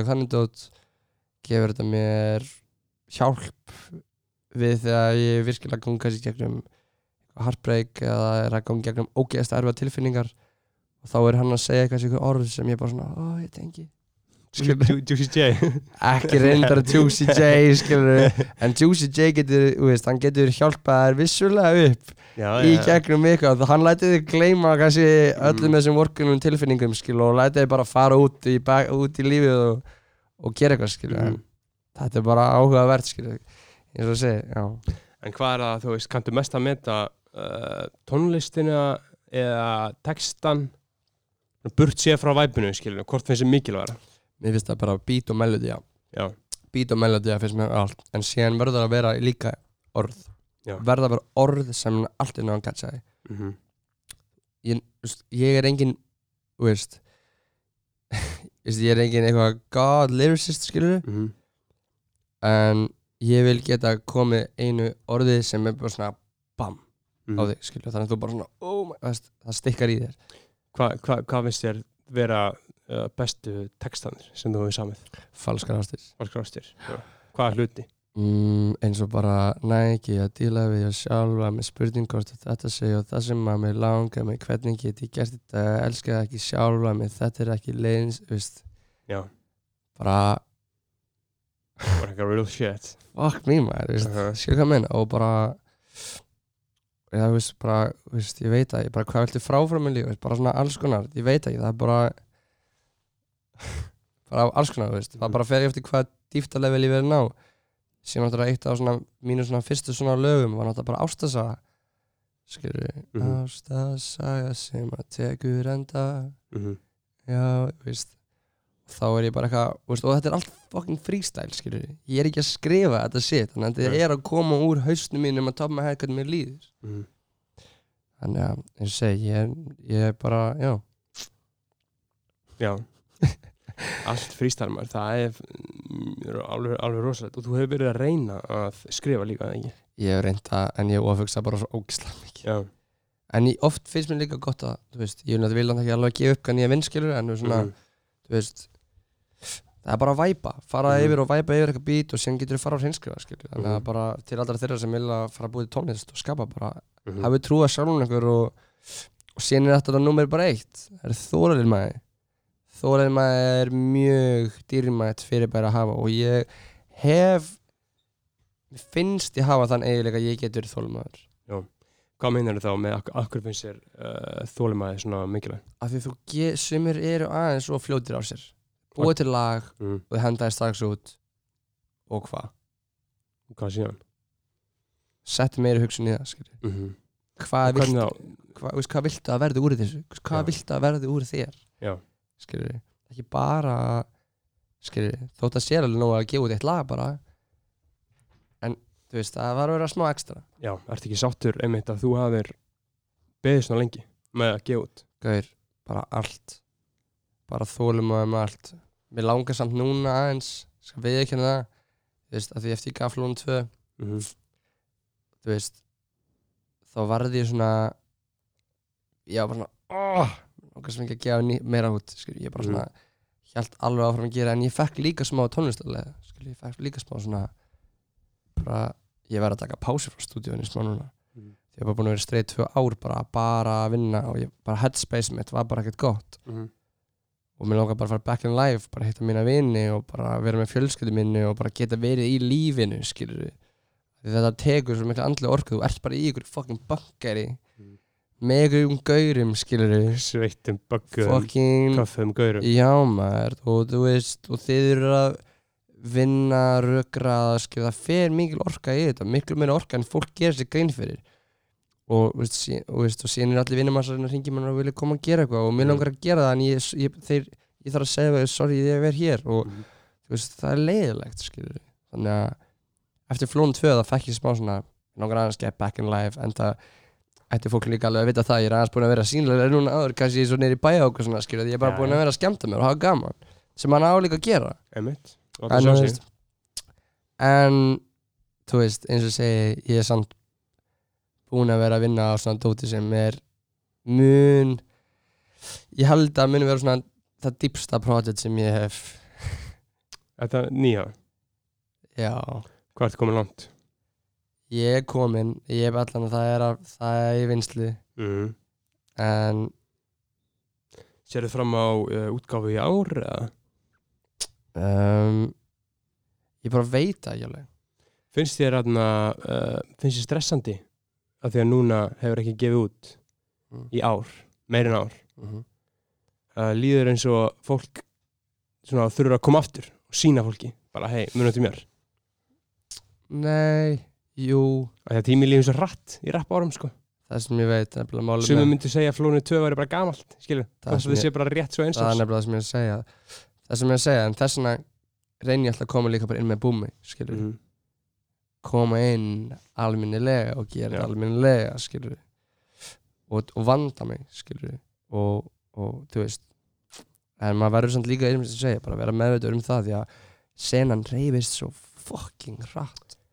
Sko, pældi ég að bara á morgun geti verið komin einhver nýrgaur en ný gæla en málið með það samt ekki skilur Mm. þótt að koma nýr gaur þá má maður ekki láta hafa á sig andlega að núna er hann að fara að taka þú verður að vita þitt Mhm. þú verður að fókusa á þig skilur við, hvað er markmiðið þitt? Og líka þá einbætt að þig hvað fólki vill skilur við og vinna, veist, þetta er alls konar svona djúpar hugsingar, hugsan og taktískar pælingar sem þú þarft að vera með skilur við en spáður mikið í hvað svona kollegaðinir er að gera? Kollegarnir mínir er sem bara, Aron, Birnir, Herra. Bara samglæðst og bara elska allt sem þeir gera mm. skilur við, bara allir. Þú veist, Aron mínir ég var átnið svona ekki alveg eins og vel en just, alltaf þegar ég hitti átnið er Mhm. alltaf bara jó, gott að sjá þeim maður bara vonandi gengur allt vel og hann var opnum núna 203 klubin skilur, sjáttu Mhm. það maður til hafingi með það bara, þú veist, maður það er allir að bara gera gó- góða hluti skilur mm. en vissulega er þú veist, og ég vil líta fram hjá allir svona samkeppni og, Já. en hei, það er samt skilur en, en þú getur ráðið hvernig orku þú setur í hana Mm alltaf ég að fara að vera ég vil ekki tala um Já. Ó, fuck þér, skilur mm. Þú veist að, þú veist, að. Nei, Nei. engan áhuga, það umulagt Mhm. Þannig að, þú veist Allir, ég er bara sjólega við alla, skilur líður eins og þú tengir sérstaklega við til dæmis Aron og, og, og Birni We've Út- been through a lot út af því að þið í rauninu upplýða það sama að vera tónlistamenn og frægir skilur Já, en ekki bara það að Við hefum verið að baka hver öðrum í gegnum skilur hluti. Mm -hmm. skilur. Gengið gegnum vitu þetta. Já, ég upplifum að Já. Master þýrlega já, upplýðið margt tekið mm, síðan svart Ég er bara að segja, veist, að bara það, og það er bara, það er bara respond þú þarf til að setja það í nýjan búning sko. Já, eiginlega, sko ég, bara upp, upplýða margt, Það að er snilda lag. áður, þegar ég hérna var að segja frá Snapchat story, þá var það það lag ég liggja ekki að hlusta það sko. Já, og ég var bara eitthvað shit já ég upplýða margt mm, svart maður ekki alveg hvað það var eins og textin sko en það var alltaf, það var fucking dark sko shit, Já. eitthvað dark shit sko en eins og segi það er tenging sem myndast auðvitað á mill okkar og Mhm. við stöndum á bak við, baki okkur öðrum í gegnum, þú veist, allt Mhm. ef ég fokka upp veit ég að þeir got me, skilur Þetta er svo fallegt, alveg eins og við vorum að taka upp fyrirluta þáttarins hérna. mm -hmm. Uh, fórum í pussupásu, þegjum okkur vatn sný, snýtum okkur Já. og kíktum inn í herbyggi uh, til Narra Já, og ég- fengum bara að heyra bara nýtt lag að sem að Aron og Herra voru að vinna. Nei, Aron og Narri meina ég.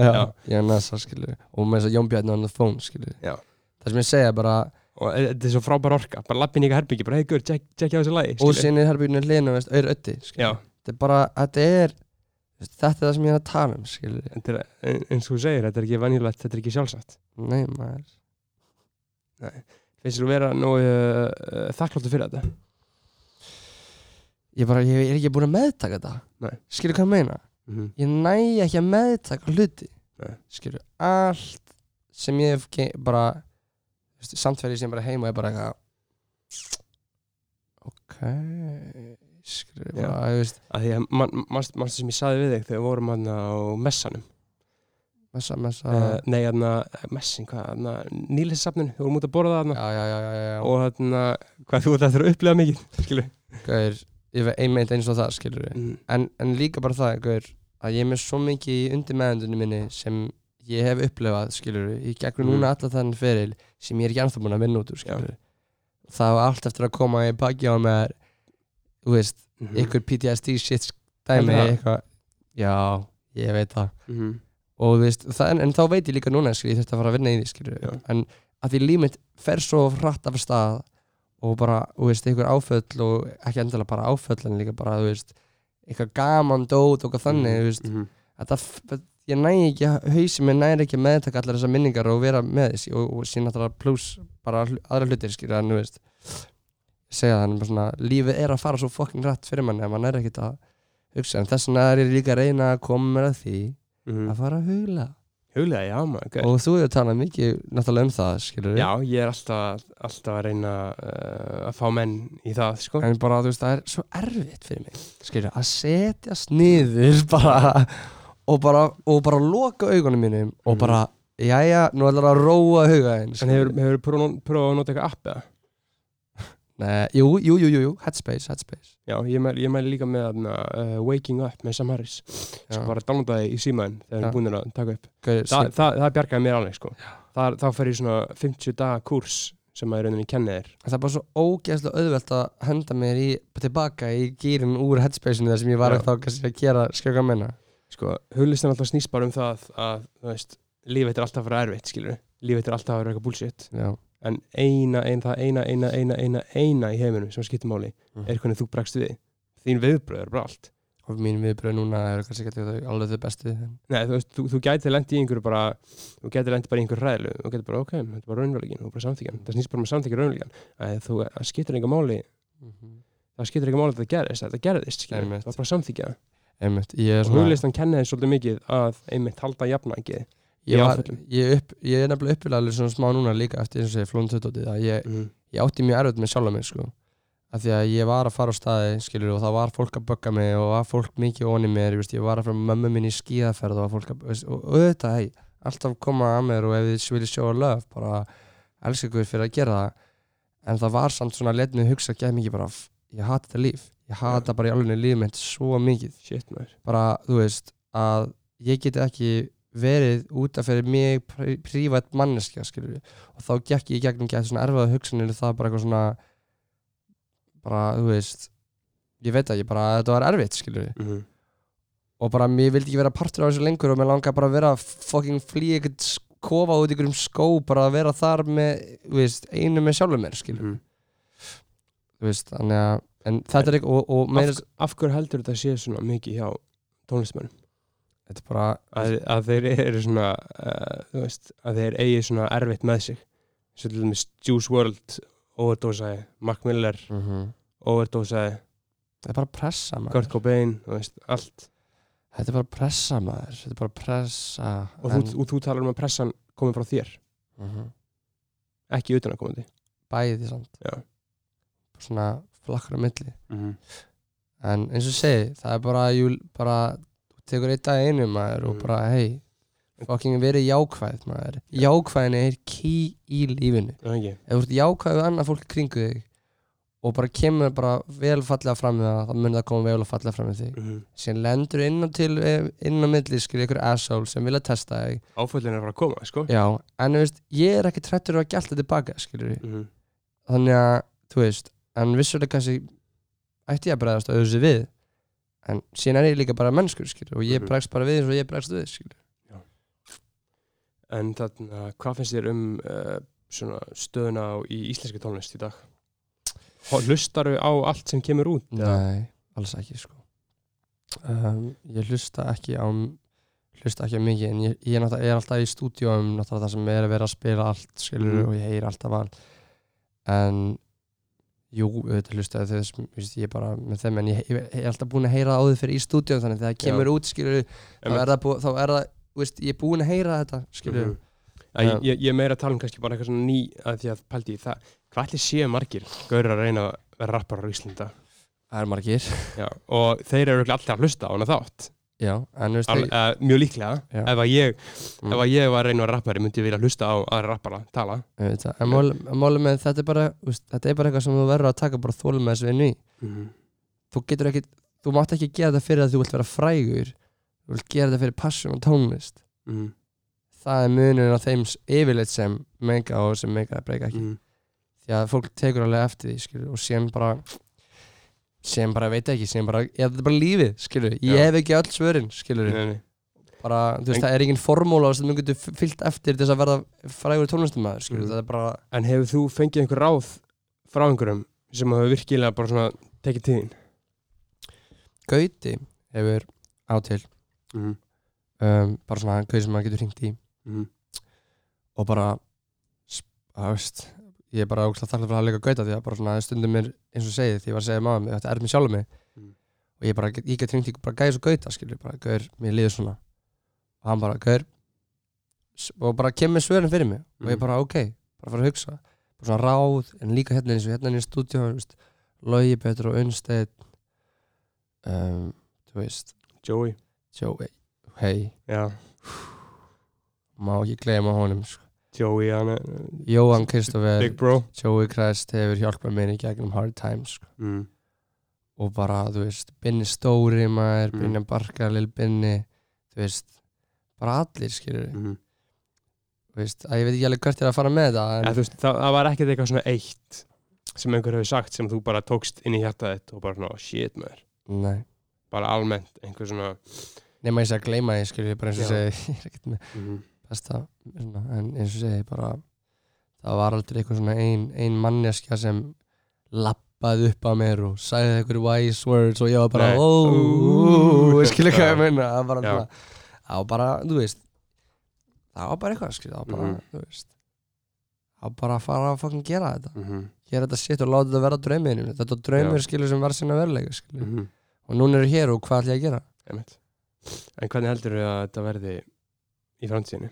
Heldur að rapp, eða þú veist, þetta sem er í gangi núna mm.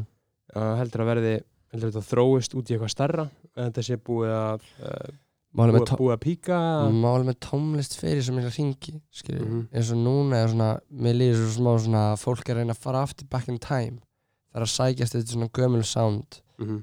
þú veist, 90s, 80s, alls konar eins og núna, þú veist, bara, ekki bara það en líka eins og í hiphopið, fólk er að fara í, mér finnst bara svona, ég veit ekki mér finnst bara, ég veit bara það að tónlist fyrir ringi, mm Mhm. skilur eins og tíska bara eins og tíska, skilur Mhm.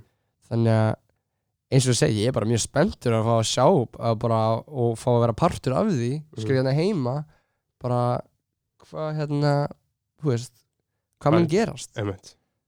þannig að En heldur að það mun, en heldur að uh, að einhver svona trend báðir hérna eitthvað bara fucking sjú, Sjú. upp í neð sko. afsækja þetta, ég tefur allir þessu lista sko, þetta bara hérna, heldur að það hafi einhver svona uh, að einhver trend í tónlist mun einhvern mann hafa utanakomandi áhrif á þýr eigin tónlist Óbeint eða beint skilur. bara einhver trend í tónlist Já, já, já, heldur að munir alltaf elda eitthvað svoleiðis ja. nei, já, vá já, jú, ég auðvitað mun fylgjast með Mhm. skilur og það er influensa með allt undirliggjandi skilur Sér hvað meina, því ég fyrir stúdíu þá svona þú veist, það er eitthvað í undir meðundinu sem ég er búinn að fræða mig um og það liggur í undir meðundinu minni og þá mm tólkast það eitthvað meginn út, skilur hvað meina. -hmm.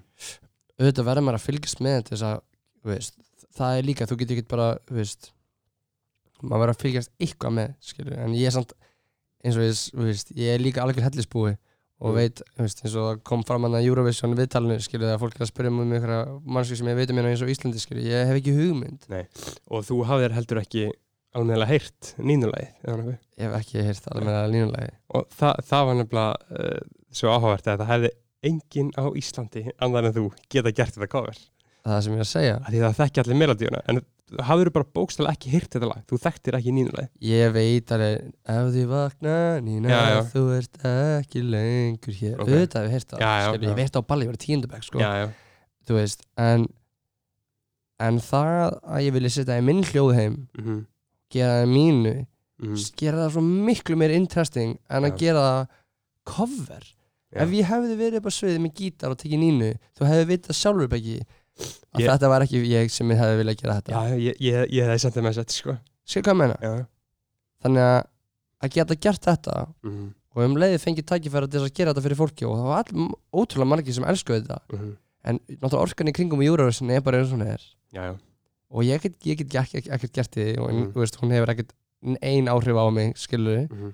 en þú veist, þá gæti ég gert þetta. En lagi, viltu heyra lagi hvernig var svona fyrst, fyrst, fyrst eða já, tjekkum maður eitthvað svættir það er sko, mér fannst það eiginlega vera það var miklu trappaðara sko. Já, það var með hæða þetta snir og eiru eitt bassa sko. Ok, shit.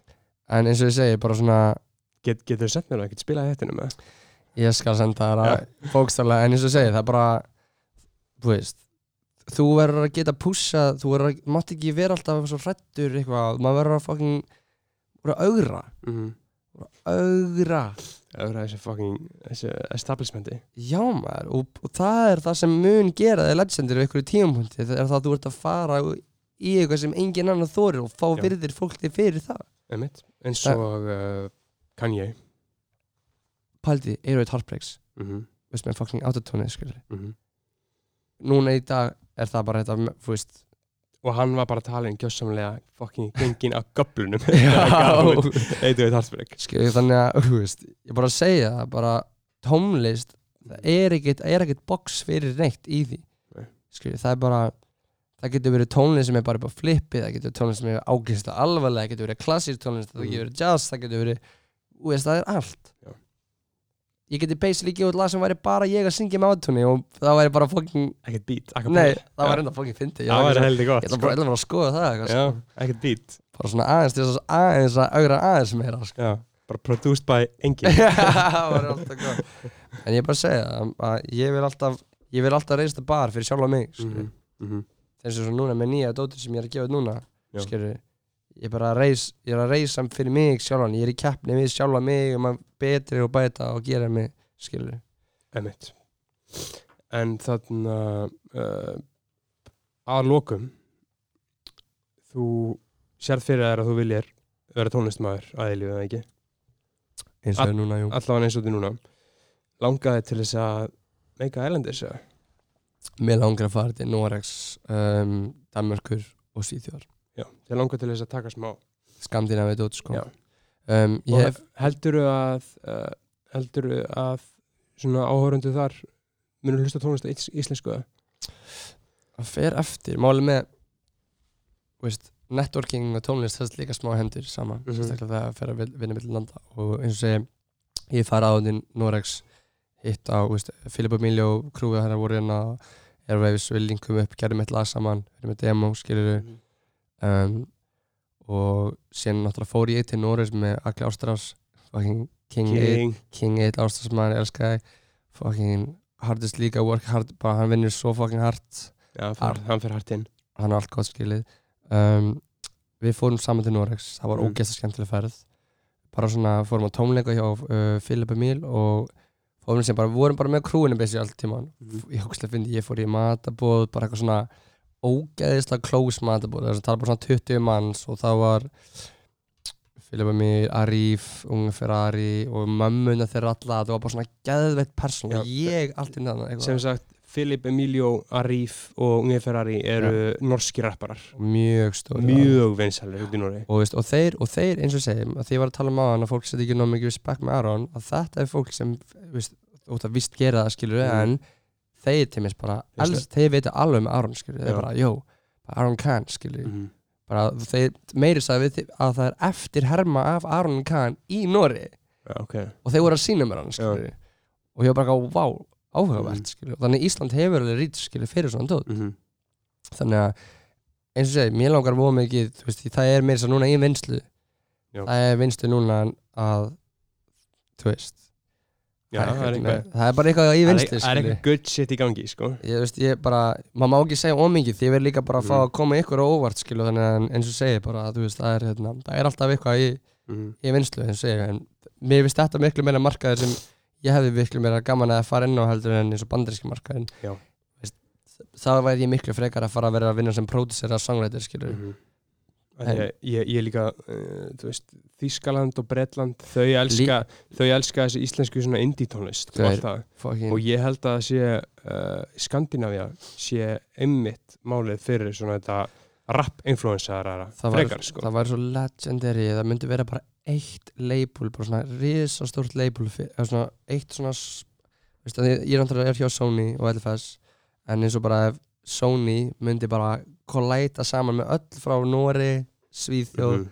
Danmörku skilur í eitt headquarter skilur eða eitthvað svona Já, og það væri bara streaming inn í skilur, að skilur við bara tökum millivegin, bara allir, allir farið til færi, ja? Já. bara setjum, við place. eitthvað huge headquarter building og litlu Já. eiginu þar það væri enda legendary en veist, eins og segi, það er bara það er möguleiki fyrir þessu en síðan líka Mm. eins og senan í Fraklandi og, og Þískalandi og e, e, e, ber, Berlín Ber Berlín er í Þísklandi, já. Höfuborg Þískland. eins og segi, ég held búið en hérna og segi, þetta er mjög áhugaverið að senur skilur. ég er búin að vera að hlusta fokkin Mm. mm. Hamsa maður, ég er Já, það vera skal hansa. ég er búin að vera að bánsa við þetta uh, veist, Jesus buzz down Mhm. Jesus buzz veist, ég er búin að vera að bánsa við þetta allt sitt sko Mhm. og það er líka bara gaman að heyra því að margir af þeim í þeirri senu er að skrifa fyrir bandarsku senuna Já. þannig mikið af bandarsku lögum sem eru major hits eru skrifa frá gaurum frá fransku og þýsku senunni Og sérstaklega líka pródúserar, sko. og Eins og að nefna Þórir Mr. Sör. fucking king pældi því, en dildi með hann Mhm. ég ætla bara að fá að setja eitt gott hérna, respect á nafni hans en núna Mhm. bara í þættunum Aha. Mr. Sir var með mér í stúdíu þegar við, ég var að búið til fyrir aðra Mhm. þá var hann bara, þú veist, hann var bara hann bara fylgist með að læra, skilur Mhm. hann bara, þú veist, hann, hann hafði svo mikið áhuga hann var, hann var mjög góður að gera beats hann líka, skilur Var þetta áður en hann, uh, þetta var fyrir þreim árum eða eitthvað Já, sko, ok. tveim árum eða eitthvað Ég var- áður en hann flutti til Berlínar? áður hann flutti til Berlínar Wow. og hann, en ég sá það á hann bara, hann hafði svo mikið passion fyrir þessu við vorum í stúdíunina, ég, Benni Andra uh, Birnir og hann Mhm. og þá var ég byrjar að gera grunnina uh, fyrir mig og hann með þess að við sendum Fyr, fyrir aðra? já, viltu mig Já, eða- viltum, já. manni bara aldrei hvort, að- hvort lagi með því sko, Já, en, já. en hérna og hérna, þá var hann í stúdíunni veist, og þá var hann bara svona að byrja að fykta sig áfram í þessu. Mhm, sem bara fluttandi fucking Berlínar mhm. og let það fucking gera skilur, fór að vinna með Young Hearn skilur, bara fleri stærnum artistum. Er núna bara major producers aðna skilur, er bara að vinna með fullt af öðrum producerum fá senda milli. Og þú veist, hann er bara að fucking gera það sem honum dreymdum og hann leta bara gerast það því hann fór í það að gera það og núna er hann bara, hann er lúkast það góða producer hann sendi mig, eitthvað um daginn núna bara eitthvað rugglaðan pakka skilur og ég bara segja það bara, ef fólk vil gera eitthvað bara ferða að gera eitthvað Já. hann er bara respect og fucking Mr. Sir bara, já Ég held að sé frekar mikið þannig að fólk finnur bara nákvæmlega það sem það vill gera Mhm. og er nógu duglegt Mhm. en þá kemur það sko og þú ætla ekki að hlusta aðra maður heldur að ég hef ekki upplegað líka margir að segja mig eitthvað, eitthvað lélegt og þannig þú verður bara að hlusta á. Mhm. Bara að treysta á þig og Já, það er mjög erfitt svona stund mhm. Já maður, Þórir er frábær og ég vona að hann uh, fara, eða, ég vona að komi á næstunni meira meira skemmtilegt frá honum sem ég veit að mun gerast sko. Já maður, hann líka með íslen, íslensku rappurum að þú hann- gerir eitthvað, einhver epik og er þess að takta frá honum sko. Já maður, mér langar að fæta Berlína bara í session með honum, skilur, bara í kamp skilur. Já, þú erum alltaf bara að kíkja eins og kíkja, kíkja snorra líka. Já, Snorri fucking besti maður hann úti á Já. Bergheim maður nei, hann er ekki með, Hann- einhverja eyrna lokka á bergheim en ég þarf að kíkja svona var náttúrulega hann að að Já, já, að ég mitt þannig að það er eitthvað svona hún kemur út á næstunni þannig að þú veist það er bara spennandi tíma. Já, maður, er að sjúga einn upp í niður Já, maður, spennandi tímar í Evrópu maður. Já, og bara Í Europa. Já, maður, og líka bara, veist, á Íslandi, skil, það er allir bara að vinna hörðum höndum Mhm. en að gera góða tónlist, mm En núna erum við líka smá óöfinn tónlistafólk að lendi því að COVID-veran er að koma virkilega á okkur og herja okkur með Fucking, sko, klippa pókana í sundur, sko ándvist, þetta bara sem ég poppa hérna pörk bara út af hvað þetta var stressandi, sko, þetta var bara áts uh, Eru er búin að koma margar afbókanir hjá þér, eða? Það frestan er í laðalega en það er búin að vissulega afbókunir af fyrir eitthvað, já, en bara fyrir fleiri eins og ég segi, bara, veist, ég var að sjá eitthvað greið kokk Já. sem skilur var búinn að gera tilbúin mat fyrir mm. risa ársatíðir skilur sem var þeim aflýst og hann Já. situr um með allan matinn skilur Ræðilegt Þetta hefur mest áhrif á svona fólk, sko og bara, þú veist, ég- bara fólk að tapa á hlutabrefum og bara ég veit sjálfur bara um homies sem voru að tapa á hlutabrefum skilur og bara, þú veist Já, bara út af einhverju fokking litlari, einhverju litlari flens ok, þetta er ekki flensa samt, þetta er hægt verið fyrir fólk sem er með Já. eitthvað undirleikandi sjúkdóma og ég ætla ekki að gera lítið úr því en þú veist, ég var að segja ég, bara, ég er rétt að svona, ég er bara perraður út í þetta sitt, skilur mm. Mm. En ég vona bara að allt fara vel og bara allir lifi heilir og bara, þú veist fara vel með þessi Uh, og ekki, ekki ef þú ert frá, veist, varst að skýða í, veist, ef þú varst eitthvað að skýða og, og veist eitthvað annað skilur til þess að komast í- eitthvað í sókvi eða peila það skilur eitthvað, mm. veist. Já, maður, þarna uh, Kæri Flóni Ég vil bara þakka fyrir mjög gott spjall ég get talað og talað og talað ekki minn sko. Gaur, það er bara búið að vera frábært að Mhm. spjalla við þig. Hvað er búin að tala lengi? Uh, ég er ekki alveg, ég held svona aðeins meira en tvo tíma, tvo álun eitthvað svolítið en það er bara í uh, góðu lagi. Þannig að er eitthvað þú veist, er, er eitthvað sem að við erum ekki búin að fara yfir? Nei, er langaði að koma einhverjum skilabóma framfæri eða? Bara, þú veist bara elsi gröll og verið jákvæð og farið varlega í gegnum lífið og bara hérna nýtt tónlist á leiðinni mm -hmm. nýtt season, nýtt era bara býðið bara spennt og, og bara takk bækið minn fyrir að hafa mig hérna hjá þér í þættinum og bara heiður og, mm. og bara lífið veistla Já, maður veist bara heiður að fá þig, kæri vinnur já, já, já, uh, Guð blessi og núna ætlum við að heyra trapp, tröppuð útgáfuna af Nínu. Uh, kraftbyrtingar hljómur Guðdómsess Exclusive. Við sjáum til, við sjáum til bye bye. Gaur, Ég er búin að segja þetta, eins og það sendur við þetta núna sko. Fuck, takk assalamu alaikum